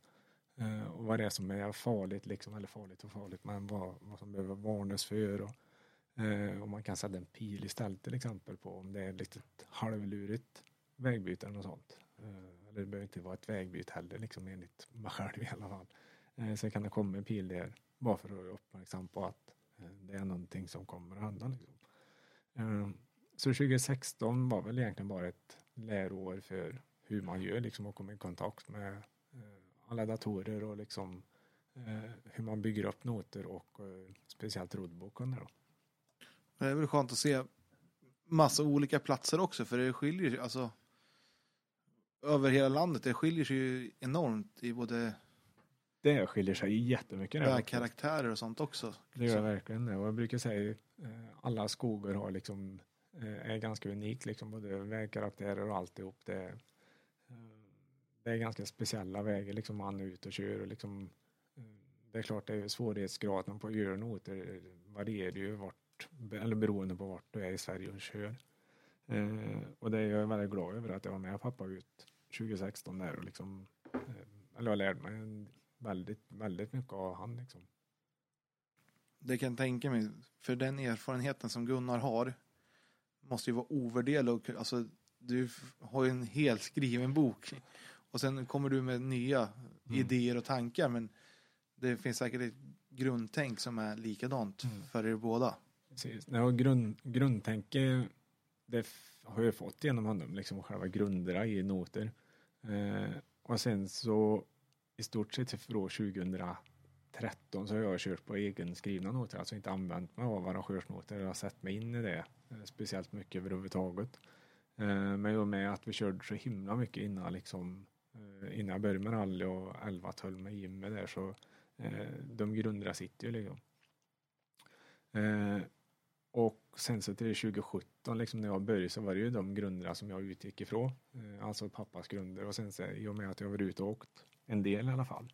Eh, så är det mycket andra saker man har lärt sig och liksom vill föra in på eh, för att göra liksom mitt avtryck på arrangörsnoterna.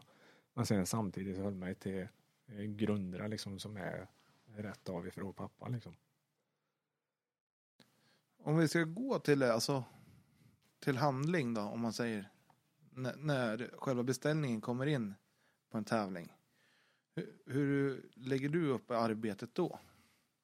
Oftast så som det var till exempel 2017, då var det ju liksom okej, här har jag tio minuter, jag åker ner till Köping och gör noter eller jag åker liksom dit för att liksom, då var det så otroligt tidspress på liksom allt jag gjorde.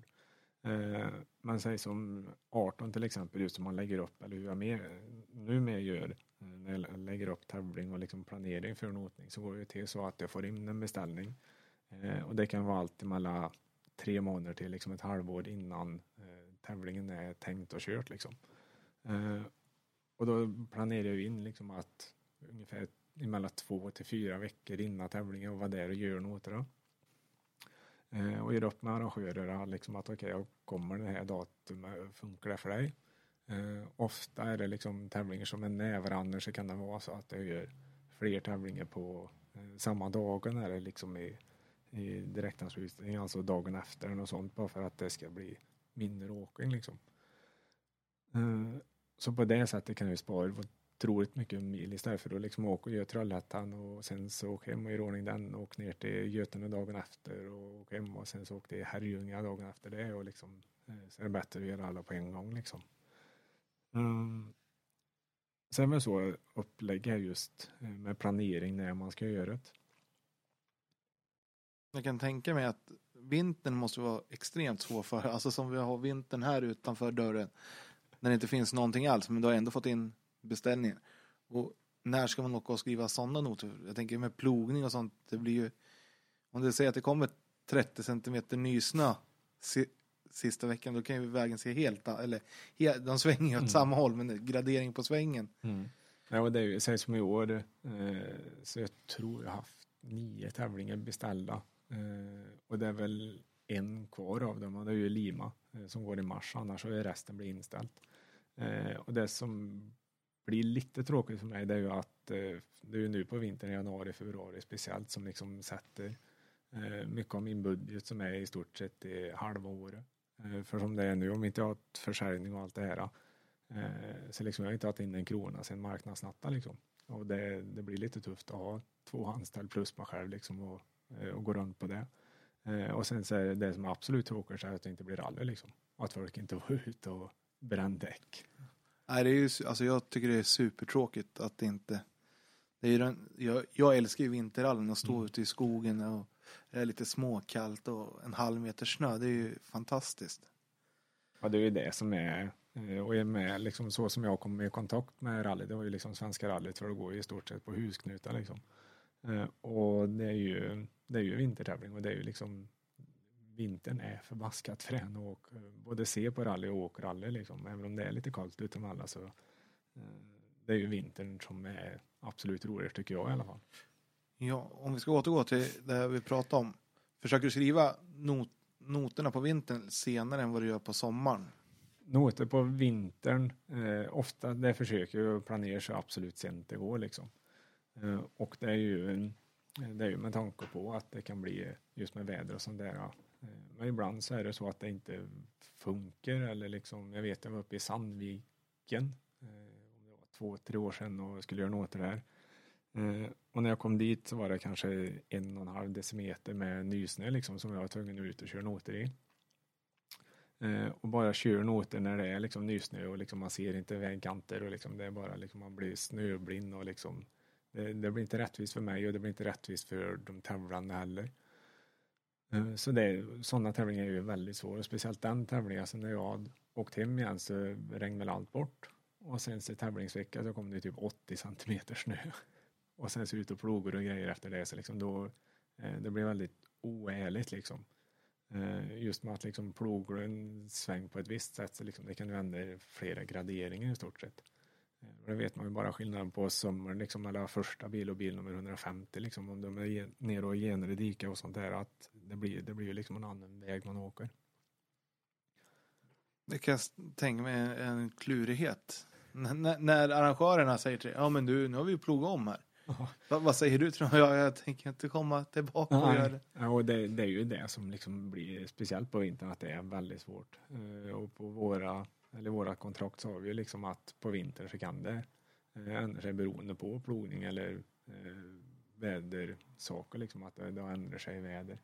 Eh, så vintern det, det är ju det som är det absolut största problemet liksom. Det blir det ju det. En eh, liknande sak är ju på sommartävlingar eller hösttävlingar att det kan avverka skog på vissa ställen. Att eh, det kan ju bli helt jätteöppet på ett ställe som du kanske åkte på för några veckor sedan som det var världens skog på. Eller till exempel en åker som är plöjd i veckan efter du Mm. har åkt. Ja, sånt där, det är ju det som är liksom min mardröm egentligen. Eh, och jag vet ju, det är ett par tävlingar som eh, de är väldigt duktiga på att avverka skog eller liksom gör avverkat lite, lite skog i stort sett natten till tävlingsdagen liksom, eller helst efter sista furåkerbilen. Eh, och sånt är ju liksom väldigt svårt och, eh, för mig att skydda sig emot liksom. Eh, för är det så att jag anser att det är luckor eller liksom att det är dumma saker. Så antingen så har vi ATA-band som eh, till hjälp för att liksom göra det synligt att du inte ska rätt fram i alla fall. Eller alternativt att vi pilar eller något sånt där. Men liksom händer det i stort sett tävlingsdagen så det är ju sånt som inte jag kan eh, hjälpa till när jag var där tre veckor innan liksom. Jag tänker, ja sånt eh, eh, sker ju tyvärr men jag tänker på sånt om du vet om arrangören vet om att det ska avverka skog av skogsmaskiner eller Mm. liknande. Säger de till sånt innan så att du kan planera in att du kan åka när skogen är avverkad eller? Oftast just när det gäller det har jag aldrig fått liksom sagt till mig i alla fall att de kommer att avverka skog eller att det kommer bli något sånt utan det som eh, händer och liksom det som är eh, i stort sett vardagen det är ju att de redan har avverkat skog. Eh, och att det ligger väldigt mycket liksom timmer ut efter vägen och vi möter timmermaskiner och liksom det är eh, mycket sådana saker. Och det där är ju otroligt stor säkerhetsrisk liksom att det ligger stora timmersaker liksom ute efter vägen som ekipage kan dra rätt in i. Eh, och det där blir ju jäkligt svårt just när man kommer och gör något där kanske fyra veckor innan tävling eh, och vet om det ligger kvar där när väl tävlingen går som att eh, inte jag sätter en, liksom en varning eller alltså en, en dubbelvarning i både noter och rodbok och säger att okej, okay, här är jättevarnat för att det ligger timmer i yttern. Och sen så kommer de dit så ligger det liksom ingenting där. Eh, och det vi gör då det är ju att jag eh, markerar upp vart det är eh, och meddelar vart, eh, eller om det ligger kvar under tävlingen, liksom att de går ut med en varning i ett PM på det i så fall. Eh, så att det inte blir liksom en allvarlig eh, skador eller någonting på grund av det eller liksom osäkerhet i det. Så väl det är egentligen just med, med sådana saker som är mm, som kan bli en konstig sak eller liksom svår sak och liksom vet hur det kommer att vara just tävlingsdagen liksom. Ja, för jag fick ju höra när jag var liten i alla fall av min pappa eh, var ju med och åkte kartläsare mycket och han var ju med och hjälpte till i lokala tävlingar och så.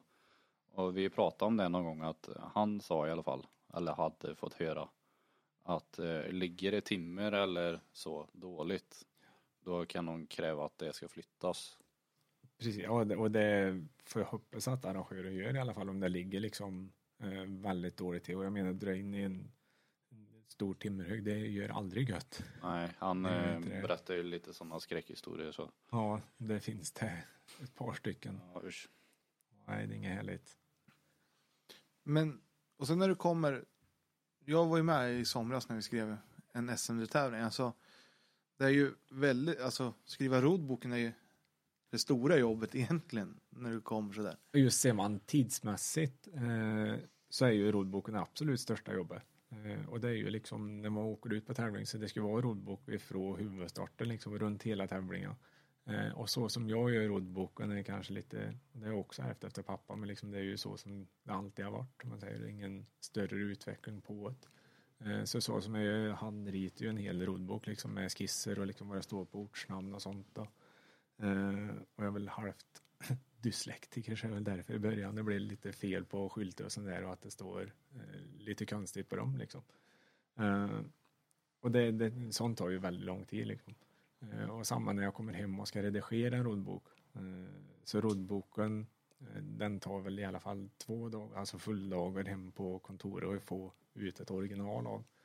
Eh, så att en roddbok i stort tar väl ungefär tre dagar att göra. Då pratar vi full dag. Mm. Ja, för jag tror våran roddbok hamnar på 92 sidor eller något. Det var ju mm.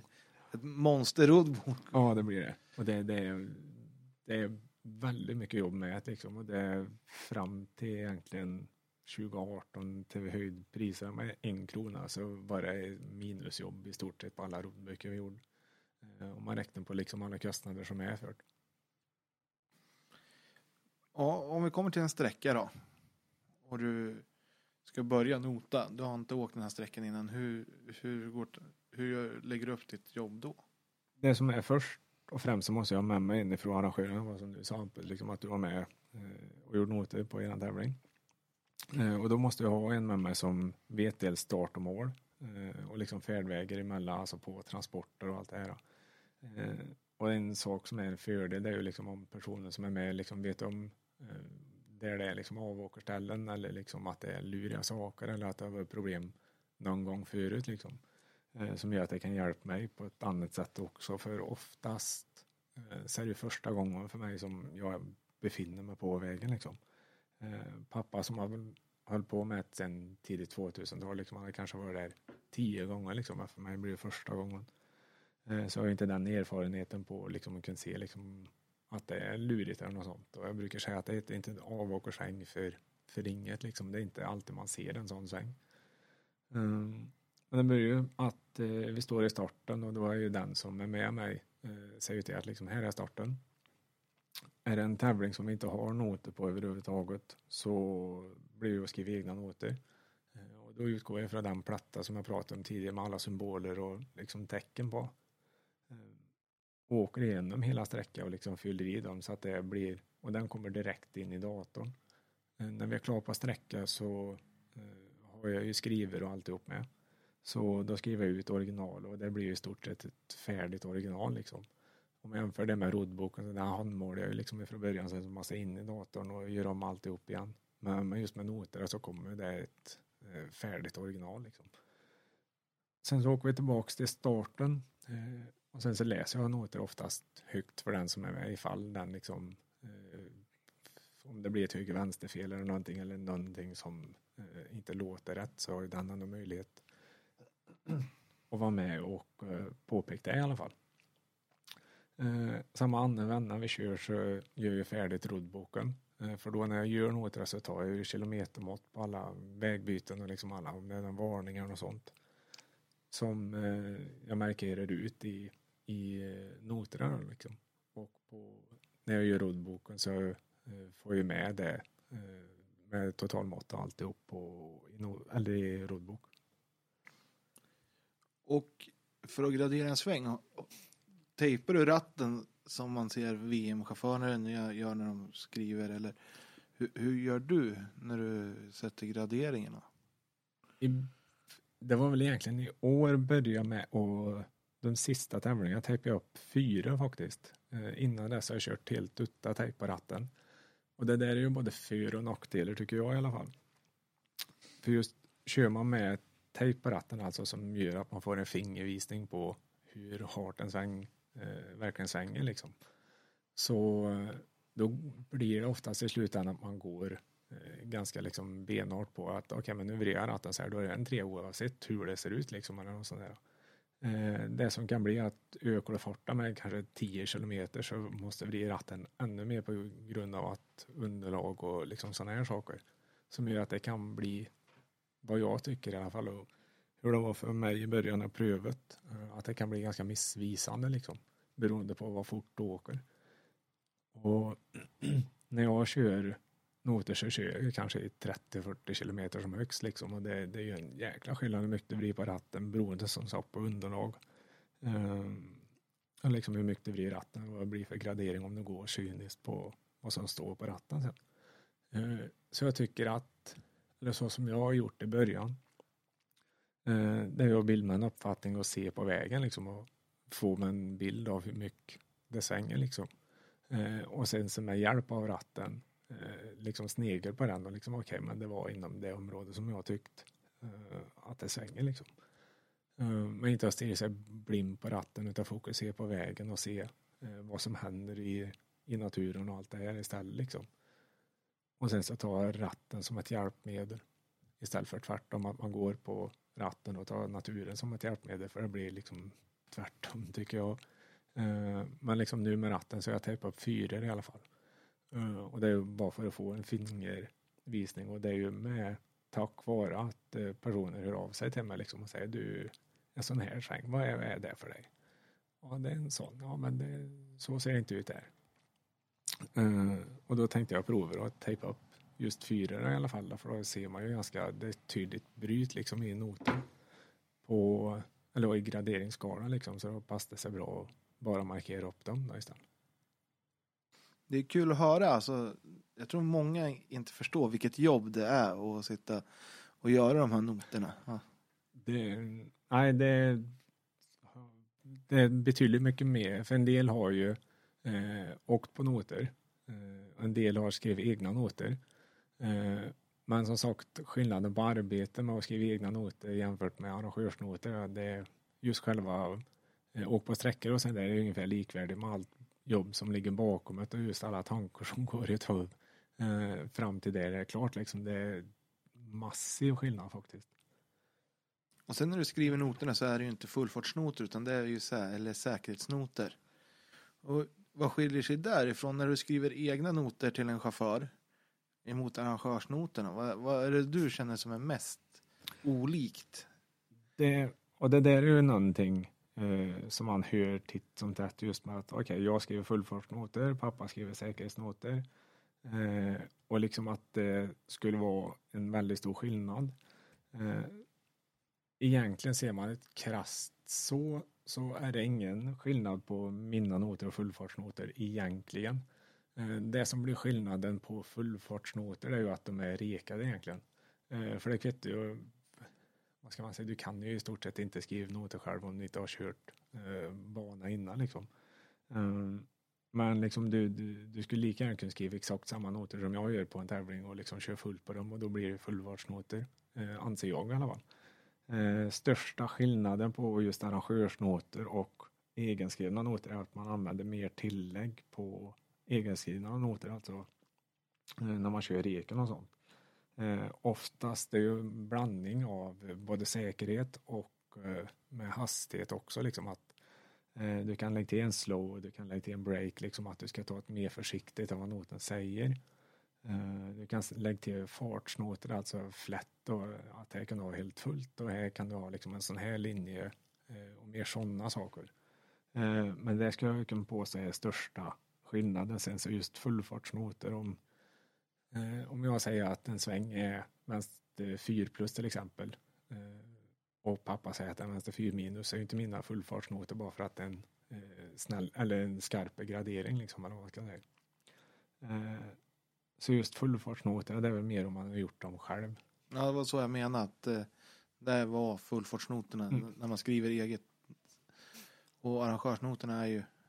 Det är för att alla, det ska ju passa alla. Det ska passa en fyrhjulsdriven bil till en originalbil. Kan man ju säga. Ja, ja det är ju det också som är en. Eh, för det som vi var inne på, liksom att jag skriver ju noter för. Jag har ju mycket licenskurser och sånt och liksom de får ju samma noter som vem som helst skulle få som liksom tar ut arrangörsnoter för en tävling. Eh, och det skulle passa dem så att de förstår vad det liksom står i noterna. Eh, samtidigt så ska det ju vara så pass säkra noter om man ska säga så att en som åker i stort sett fullt på dem inte ska i alla fall slöja sig eh, på dem och att allt eh, väsentligt ska vara med. Eh, men det där är ju en sak som är för mig väldigt svår att få till liksom för det är som jag sagt förut att liksom har du en bra tävling på kanske 200-250 startande så har du i alla fall fyra styck, eller 400 stycken olika åsikter, alltså chaufför och kartläsare. Och det där liksom, det blir ju det blir väldigt svårt att få all nöjd liksom. Och det är ju man brukar ta det att liksom, det är inte för inte att vi har så många partier i riksdagen som vi har. Liksom, det är för att personer tycker olika. Um, och en del är nöjd uh, och en del är mindre nöjd. Uh, och ligger jag någonstans i mitten av vad, allihop tycker så tycker jag att jag är på den säkra sidan. Liksom. Det, är, det är ju så man måste ha det. För att det, det, det är ju du som har gjort det. Och de som läser, sen finns det ju, alla läser, läser ju de olika också. Mm. Noterna. Ja, det gör de det. Eh, och sen det är liksom typexempel vet var en tävling i Karlstad eh, och jag hade, jag tror jag bara hade höger två. Eh, och hade höger två över bro och öppnar lång och nyper fyra. Och så pratade jag med en person och han tyckte att ja, men den nyper ju som fasen över broa. Och sen pratade jag med en annan person. Ja, men den reagerar jag på. Den öppnar ju liksom långt, långt innan liksom broa. Så då har man två stycken som säger i stort sett emot varandra och sen så ligger jag mitt emellan. Eh, och egentligen ingen är nöjd fast det är en kompensation på vad de, ett par stycken tycker och tänker. Liksom. Ja, får du mycket reaktioner på dina noter?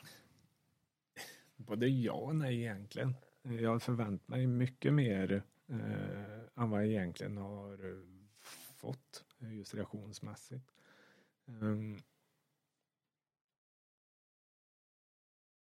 jag skulle vilja säga att det är nästan 50-50 Eh, oftast gör de av sig så är det liksom okej, okay, det gick jättebra. Eh, noter är jättebra, liksom, det är ingenting som jag vill ändra på.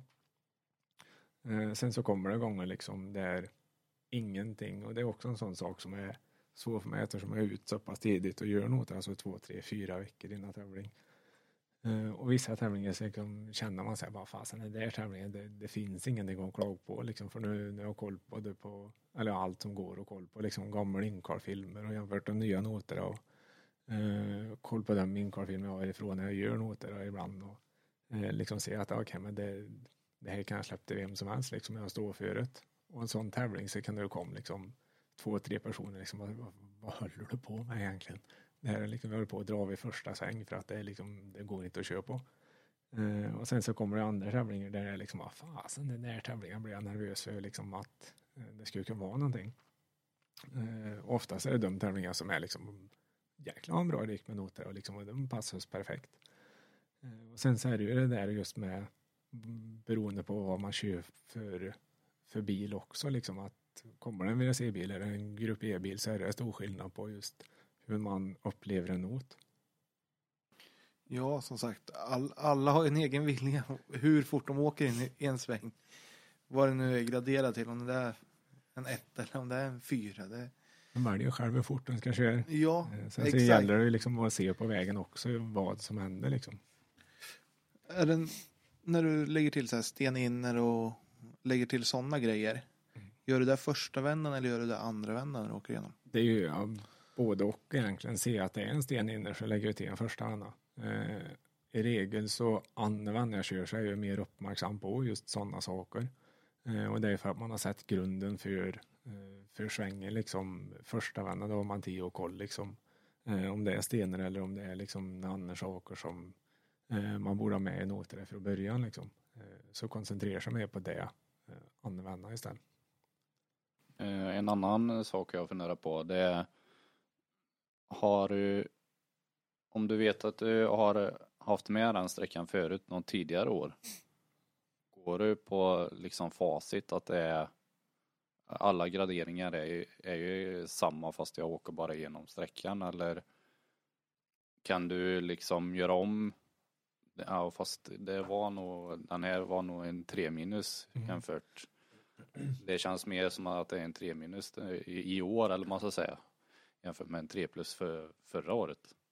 Eh, nej, det är ju Eller så. För, vi har ju kvar alla noter sedan pappa skrev om. Jag tror att noter har kvar sedan 2002.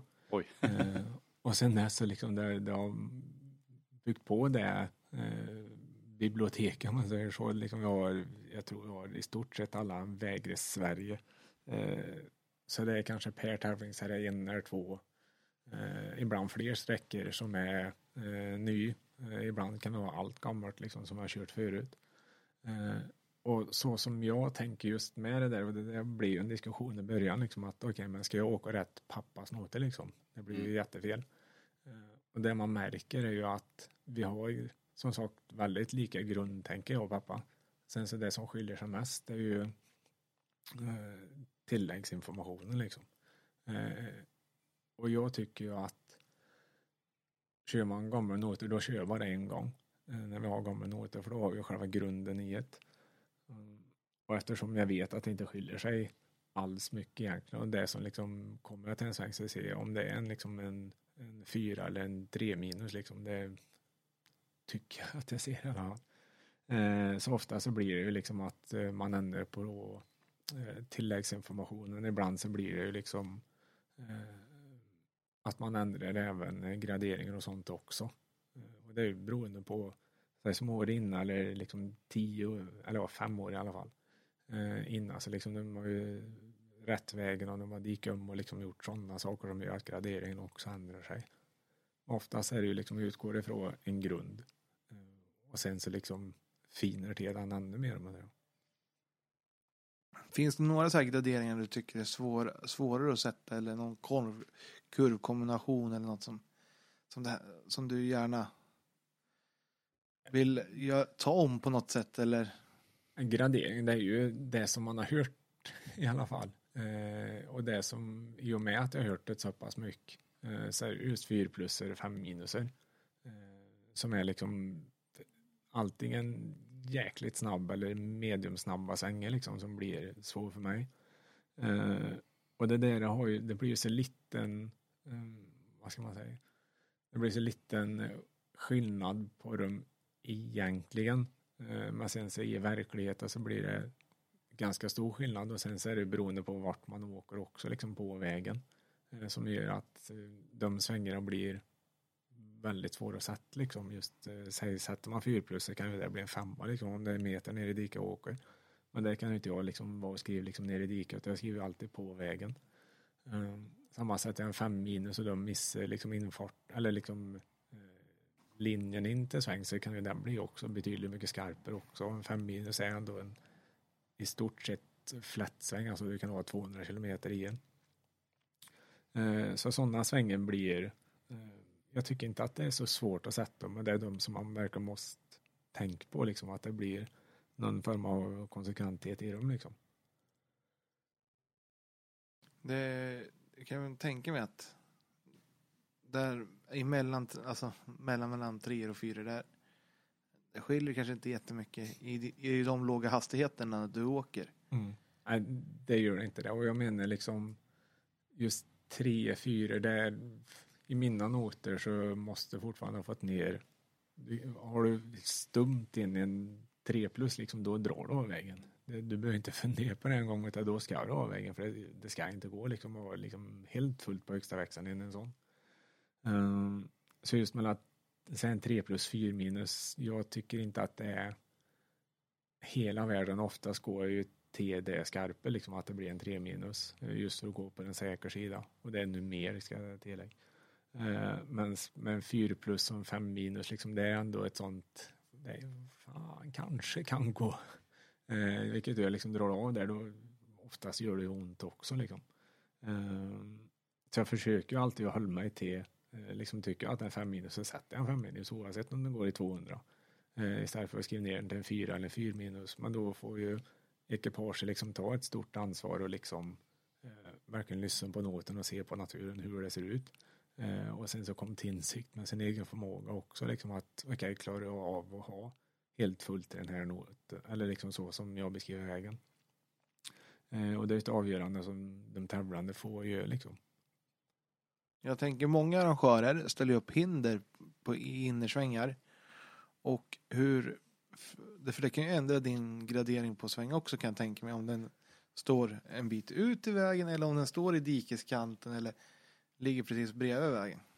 Och det, är, det gör en väldig skillnad och det, det är ju en sån typsak att eh, folk hör av sig efter tävling liksom. Eh, och det är klart att egentligen det blir mer ett siktfel för liksom står han av vägen så är han ju av vägen liksom så det, du är ju inte där och kör ändå. Eh, men du får liksom någonting att fästa blicken på som gör att det kan bli eh, det blir liksom man får en fel eh, inbildning av svängen liksom. Eh, antingen tycker man att oftast tycker man att det svänger mer än vad det egentligen gör och det är bara för att det är ett hinder på innern, liksom. Eh, men jag som sagt jag förstår verkligen arrangörer att de ställer ut de mindre. Eh, och jag tycker inte att det är en så stor sak för de tävlande att bråka om, liksom om de får vetskapen om varför man ställer ut dem. Eh, för det som sagt kostar ganska mycket pengar att göra ordning, liksom, det räcker med en dikeskant liksom, så kostar det fruktansvärt mycket pengar. Eh, och ska du köra en hel tävling, kanske 4-5 mil ner i diket, så liksom, det är ett par hundratusen spänn. Ja, då kommer vi ha skyhöga startavgifter istället. det är ju det konsekvensen blir liksom. Och då tycker jag att liksom ha hinder och sånt där. Liksom det, för de tävlande inte är någonting att bråka om. Eh, köra rallybil. Något som underlättar för dig också är ju om, om det är ditmålat när du väl kommer och åker. Vart grejerna ungefär, eller ska stå. Ja, Då det... får ju du ändå en liten riktpunkt. Mm. Ja, det är ju som sagt, det är ju oftast det som eh, folk, vad ska man säga, eller liksom har åsikter om efter tävling. Liksom att okej, men den här noterna stämmer ingenting och sen så går jag tillsammans med eh, den som har liksom haft åsikter om det, eh, går igenom oftast vid en karlfilm. Eh, och då kommer man ju ganska snabbt till att okej, men du påpekar liksom nio av tio svänger med allting högbaler eller något sånt eh, innen liksom. Eh, och det behöver inte alltid vara graderingsfel i noten och jag vill tro att det är eh, mer sällan än ofta liksom det händer att det är graderingsfel i just noterna. Eh, oavsett så är det en personlig bedömning. Eh, och det är jag som bedömer det liksom. Eh, så det, men det är som sagt just med hinder och sånt, det är ju där de flesta klagomålen kommer just på att noter är som de är liksom. Ja, men alltså det är ju superspännande att höra ifrån din synvinkel på det hela. För man hör ju ofta att ibland Ja, men det här var ju jättekonstigt och nu får man en helt annan inblick i hur det verkligen är att, skriva noter. Mm. Ja, det, alltså det, jag älskar verkligen att göra noter och det, det är som sagt det påminner, eller för mig så blir det väldigt mycket samma som att liksom åka tävlingsbil. Eh, för i tävlingsbilen så hängde jag mig åt noter och liksom gör, eh, det är ju det som jag tycker om. Eh, och när jag gör arrangörsnoter då får jag sitta och bara nöta liksom i lugn och ro egentligen med, med noter liksom. Eh, men det är fortfarande det liksom när tävlingen kommer och alltihop så okej, okay, fasen nu ska vi se vad all de här tycker om noterna. Eh, så att det blir ett väldigt stort stressmoment för också just när tävlingen kommer. Eh, och se hur liksom vad, vad reaktionen blir på det. Har du tävlat med dina egna noter någon? Nej, Ja. aldrig. Och det är det jag försöker, men som det var nu, liksom det senare så har det varit alldeles för mycket arbetning och sånt. Men min plan har väl varit att få tag på en bil och kunna köra föråka på mina egna noter och liksom utveckla dem ännu mer. Liksom. Eh, för jag, jag vill ju tro att eh, allting kan alltid göras bättre liksom. Och jag vet att ska man själv få ut det, liksom kollet eh, så har jag om inte annat en större inblick i vad de tävlande menar liksom när de säger som de gör ibland. Är det något mer du vill ta upp med notskrivningen där som är en väsentlig del i det hela? En väsentlig del, det är väl någonting som jag har lärt mig på senare tid. Som har jag åkt ganska mycket bil med väldigt många olika chaufförer. Eh, och som det är nu så har jag skrivit eh, ungefär 140 tävlingar sedan eh, 2017. Det, det börjar på att bli ett par tävlingar. Eh, och ju mer jag håller på med just noter och det här, eh, ju mer inser jag att det är liksom en vänster fyra, liksom det är mer än bara en vänster fyra, liksom, och hur man förklarar en väg. Eh, och just fått inblicken i vad, vad noter egentligen är. Och det jag kom fram till är väl att eh, noter överlag, det är ju mycket mer en känsla man ska beskriva liksom. Eh, och det var som jag hade ett par diskussioner, eller diskussioner med liksom dialog med ett par stycken eh, under ett par år. Eh, och liksom man kommer det till, säg om jag har krön 80 högrätt. Och liksom, ja men fan det känns inte som det är 80 meter där. Ja, men liksom jag tripper alla mått och liksom ibland när det är sådana mått som bara fasen det här kändes inte rätt. Eh, så trippar jag till en gång till så är det liksom exakt 80 meter. Mm, men då är det ju den här just känslan av att det känns mycket kortare än vad det är. Eh, och liksom då, då går det ju en, på en känsla. Eh, och det där har jag lärt mig mer och mer just att gå på eh, en känsla av hur det kommer att uppfattas istället för hur det verkligen är i verkligheten. Eh, så just sådana saker, liksom ett 80-mått som känns som ett 60, då sätter jag ett 60-mått på det istället. Eh, och det där har varit faktiskt ganska, eller liksom positivt bemött ifrån eh, de flesta liksom och gör att det blir mer lättläst och liksom en sån sak gör ju att eh, du får mer säkerhetsmarginal också liksom på hur du framför bilen och samma mer eh, tid som kortläsare liksom. Ja, vad heter det? Om vi kommer till varningar och sånt, när du sätter ut sånt. Vad, vad graderar du då om vi säger en dubbelvarning som är utmärkt i naturen eller en trippelvarning? Eh, Just varning, och det är också en sån sak som är hur svår som helst. Uh, Då har du ju vanliga pass upp-varningar börjar det med, det är ju ingenting som är med i roddbok. Uh, Utan det är ju bara med i noter och liksom en pass upp-varning för mig det är liksom vara var med på det vad som händer nu. Uh, Och det kan ju vara liksom en vänster fem pass nype tre. Och liksom lyssnar du bara på noten vänster fem nyper tre, ja men då liksom du håller du fullt där drar du av vägen.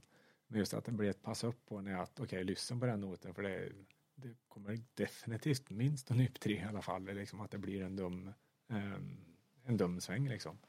Ehm, så liksom passa upp med det att du, du verkligen ska ha med på vad som händer.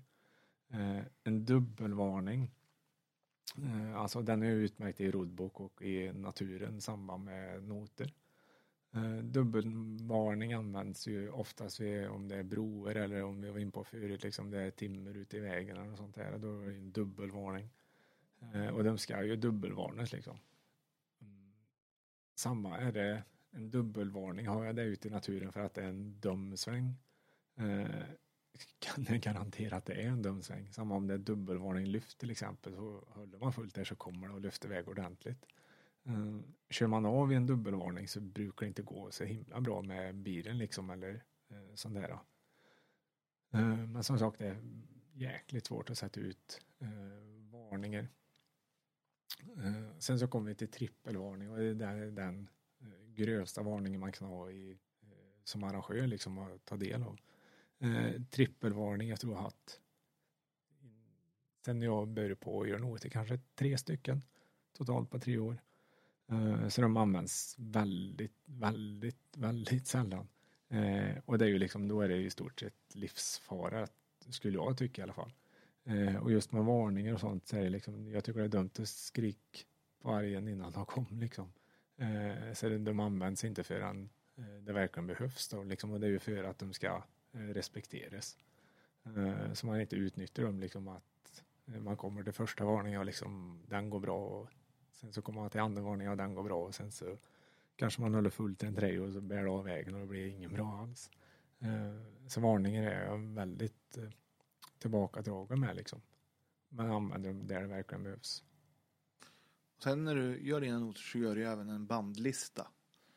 Japp, det är ju också. En bandlista är också ett komplement för just eh, säkerheten i rally och det var ju som vi in på förut också just med luckor eller eh, om det är några speciella saker och sånt där som eh, man vill att de tävlande ska eh, inte lura sig på.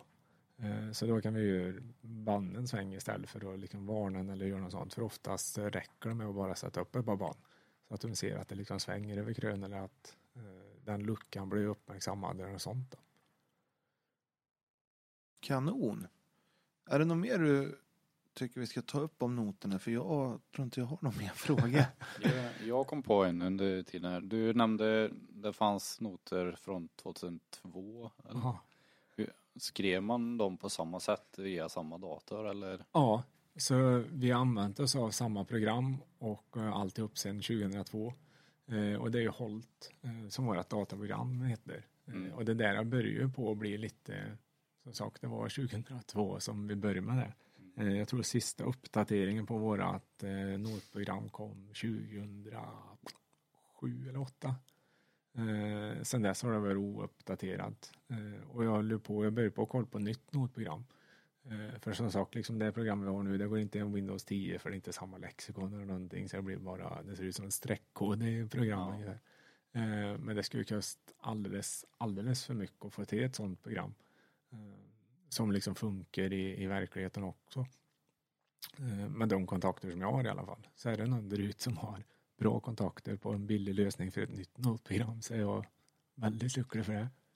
Så innan ni fick den här datorn, eller din pappa då antar jag. Hur gjorde man då? Skrev man för hand allting? Det måste ju varit tidskrävande i sådana fall. Ja, det kommer jag faktiskt inte, det vet jag inte, jag har inte frågat än. Jag tänker om du har hört det pratas. Det som jag vet, han körde ju allt i eh, vanlig Excel-ark liksom. eh, Och skrev ner där och det blir inte så lätt när det är liksom, det är beskrivande och det är siffror och Eh, det ska andas allt det där och sånt. Så liksom det blir ganska mycket arbete med. Eh, Så innan det så vet jag inte, men det var som sagt Excel-filer som de körde i slutet. Vi har ju några frågor här till de som har varit med i podden. Men vi kanske inte kanske skulle ändra lite på dem nu när det är notskrivare också. Vi får se vad Daniel har i bakfickan. Ja, vi eh, brukar ju ställa några sista frågor till varenda gäst. Har du något speciellt med dig ute i tävlingsbilen? Ja, minst två doser snus. Det måste med. Det måste ha. Eh, Enbart för att ha en bra känsla i magen ut på tävling tänker jag. Kan det, Det måste vara snusen då. Ja, det ja, snusen alla dagar i veckan. Eh, annars är reservbalaklava.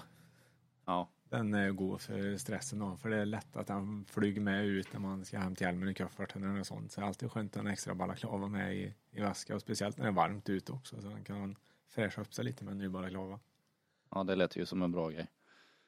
Eh, vi pratade om eh, lite dåliga tävlingsminnen förut. Någon tråkig krasch där med Olsson tyckte jag hördes. Men eh, värsta tävlingsminne, vad är det? Värsta tävlingsminne? Det är sånt där som jag lägger bakom mig. ja. Eh, värsta? Bra fråga. Inget som dyker upp spontant bara som Nej. Det Ja, det kanske är den kraschen där då. Den lät ju Ja, inte måste, rolig ja, Eller någon utav crosskrascherna. ja crosskrascher finns det definitivt mycket mer att ta av värsta minnen där. De lät inte roliga. Alltså. Sen har vi garagetabbe. Har du gjort någon sån tabbe? Vi kanske kan dra över det till nottabbe. Nottabbe. Har du gjort någon? Nottabbe. Skrivit höger istället för vänster kanske? Ja, det har hänt en gång och det var uppe i Lima. Det var också, det var också en jäkla eh, rolig grej. Eller rolig och rolig. Eh, för det var en tävling som gick väldigt, väldigt långt norrut. Eh, som det var visst lite höger vänsterfel på. Och då tänkte jag på det, och det var inte jag som gjorde den tävlingen. Eh, och då tänkte jag, för då var Lima den nästa tävling som jag ska göra. Eller efter den, liksom när jag fick reda på att jag tänkte på, okay, inga höger-vänster-fel nu, för det vill jag inte ha. Och första som jag hör liksom på tävlingen, då var jag uppe och kollade och grejer. Va, du är ett, ett höger vänsterfel här. Vad fan. det, var väl, det var väl ett av dem och sen så är jag garanterat att jag har gjort fler som inte jag fått vetskapen om. Men eh, det är som jag kommer ihåg i alla fall. Eh, bästa tävlingsminne då? Bästa, det finns alla tävlingar jag kört är bästa minne men ett av dem som slår fruktansvärt högt var när jag och Emil Bergqvist vann junior-VM i Turkiet. Eh, Just den känslan av att vara delaktig i Emils press som han hade under den tävlingen. Eh, och en hjälp honom till att ta ett eh, junior-VM-guld eh, och stå längst upp på podiet med, med eh, hela teamet och alltihop. Det var en sak man sen kommer att glömma. Ja, det förstår jag helt klart. Ja, det här blev ju en monsterpodd i längd, men det har ju varit en supertrevlig eftermiddag vi har haft här. Verkligen, verkligen. Jag måste tacka er för att eh, ha tagit hit mig överhuvudtaget och eh, jag uppskattar verkligen det ni gör för, för hela rally-Sverige och att ni eh, tar hit så intressanta personer eh, som ni gör. Så det, jag bugar och bockar. Det tackar vi för. Och vi får tacka dig för att du tog dig tiden att komma ner. Jag tror att det är många som har haft väldigt mycket undringar om hur det är med det här roadbook-skrivandet, noterna och hur, hur man kommer in i det. Precis, och det mycket träning och det är inte bara bara. Och sen har du en fantastisk karriär också som co-driver. Den börjar på att ta sig i alla fall. Jag hoppas på att jag har många fina år framför mig också. Det hoppas vi också. Men du, har det så jättebra så syns vi säkert ute i skogen eller på någon tävling framöver. Tack så jättemycket. Sköt om er. Idag vill vi passa på att tacka own.se för samarbetet. På own.se kan du designa dina egna kläder och kepsar. Du kan även designa din egen rallybil här med flera olika modeller att välja på. own.se där du kan göra din egen design.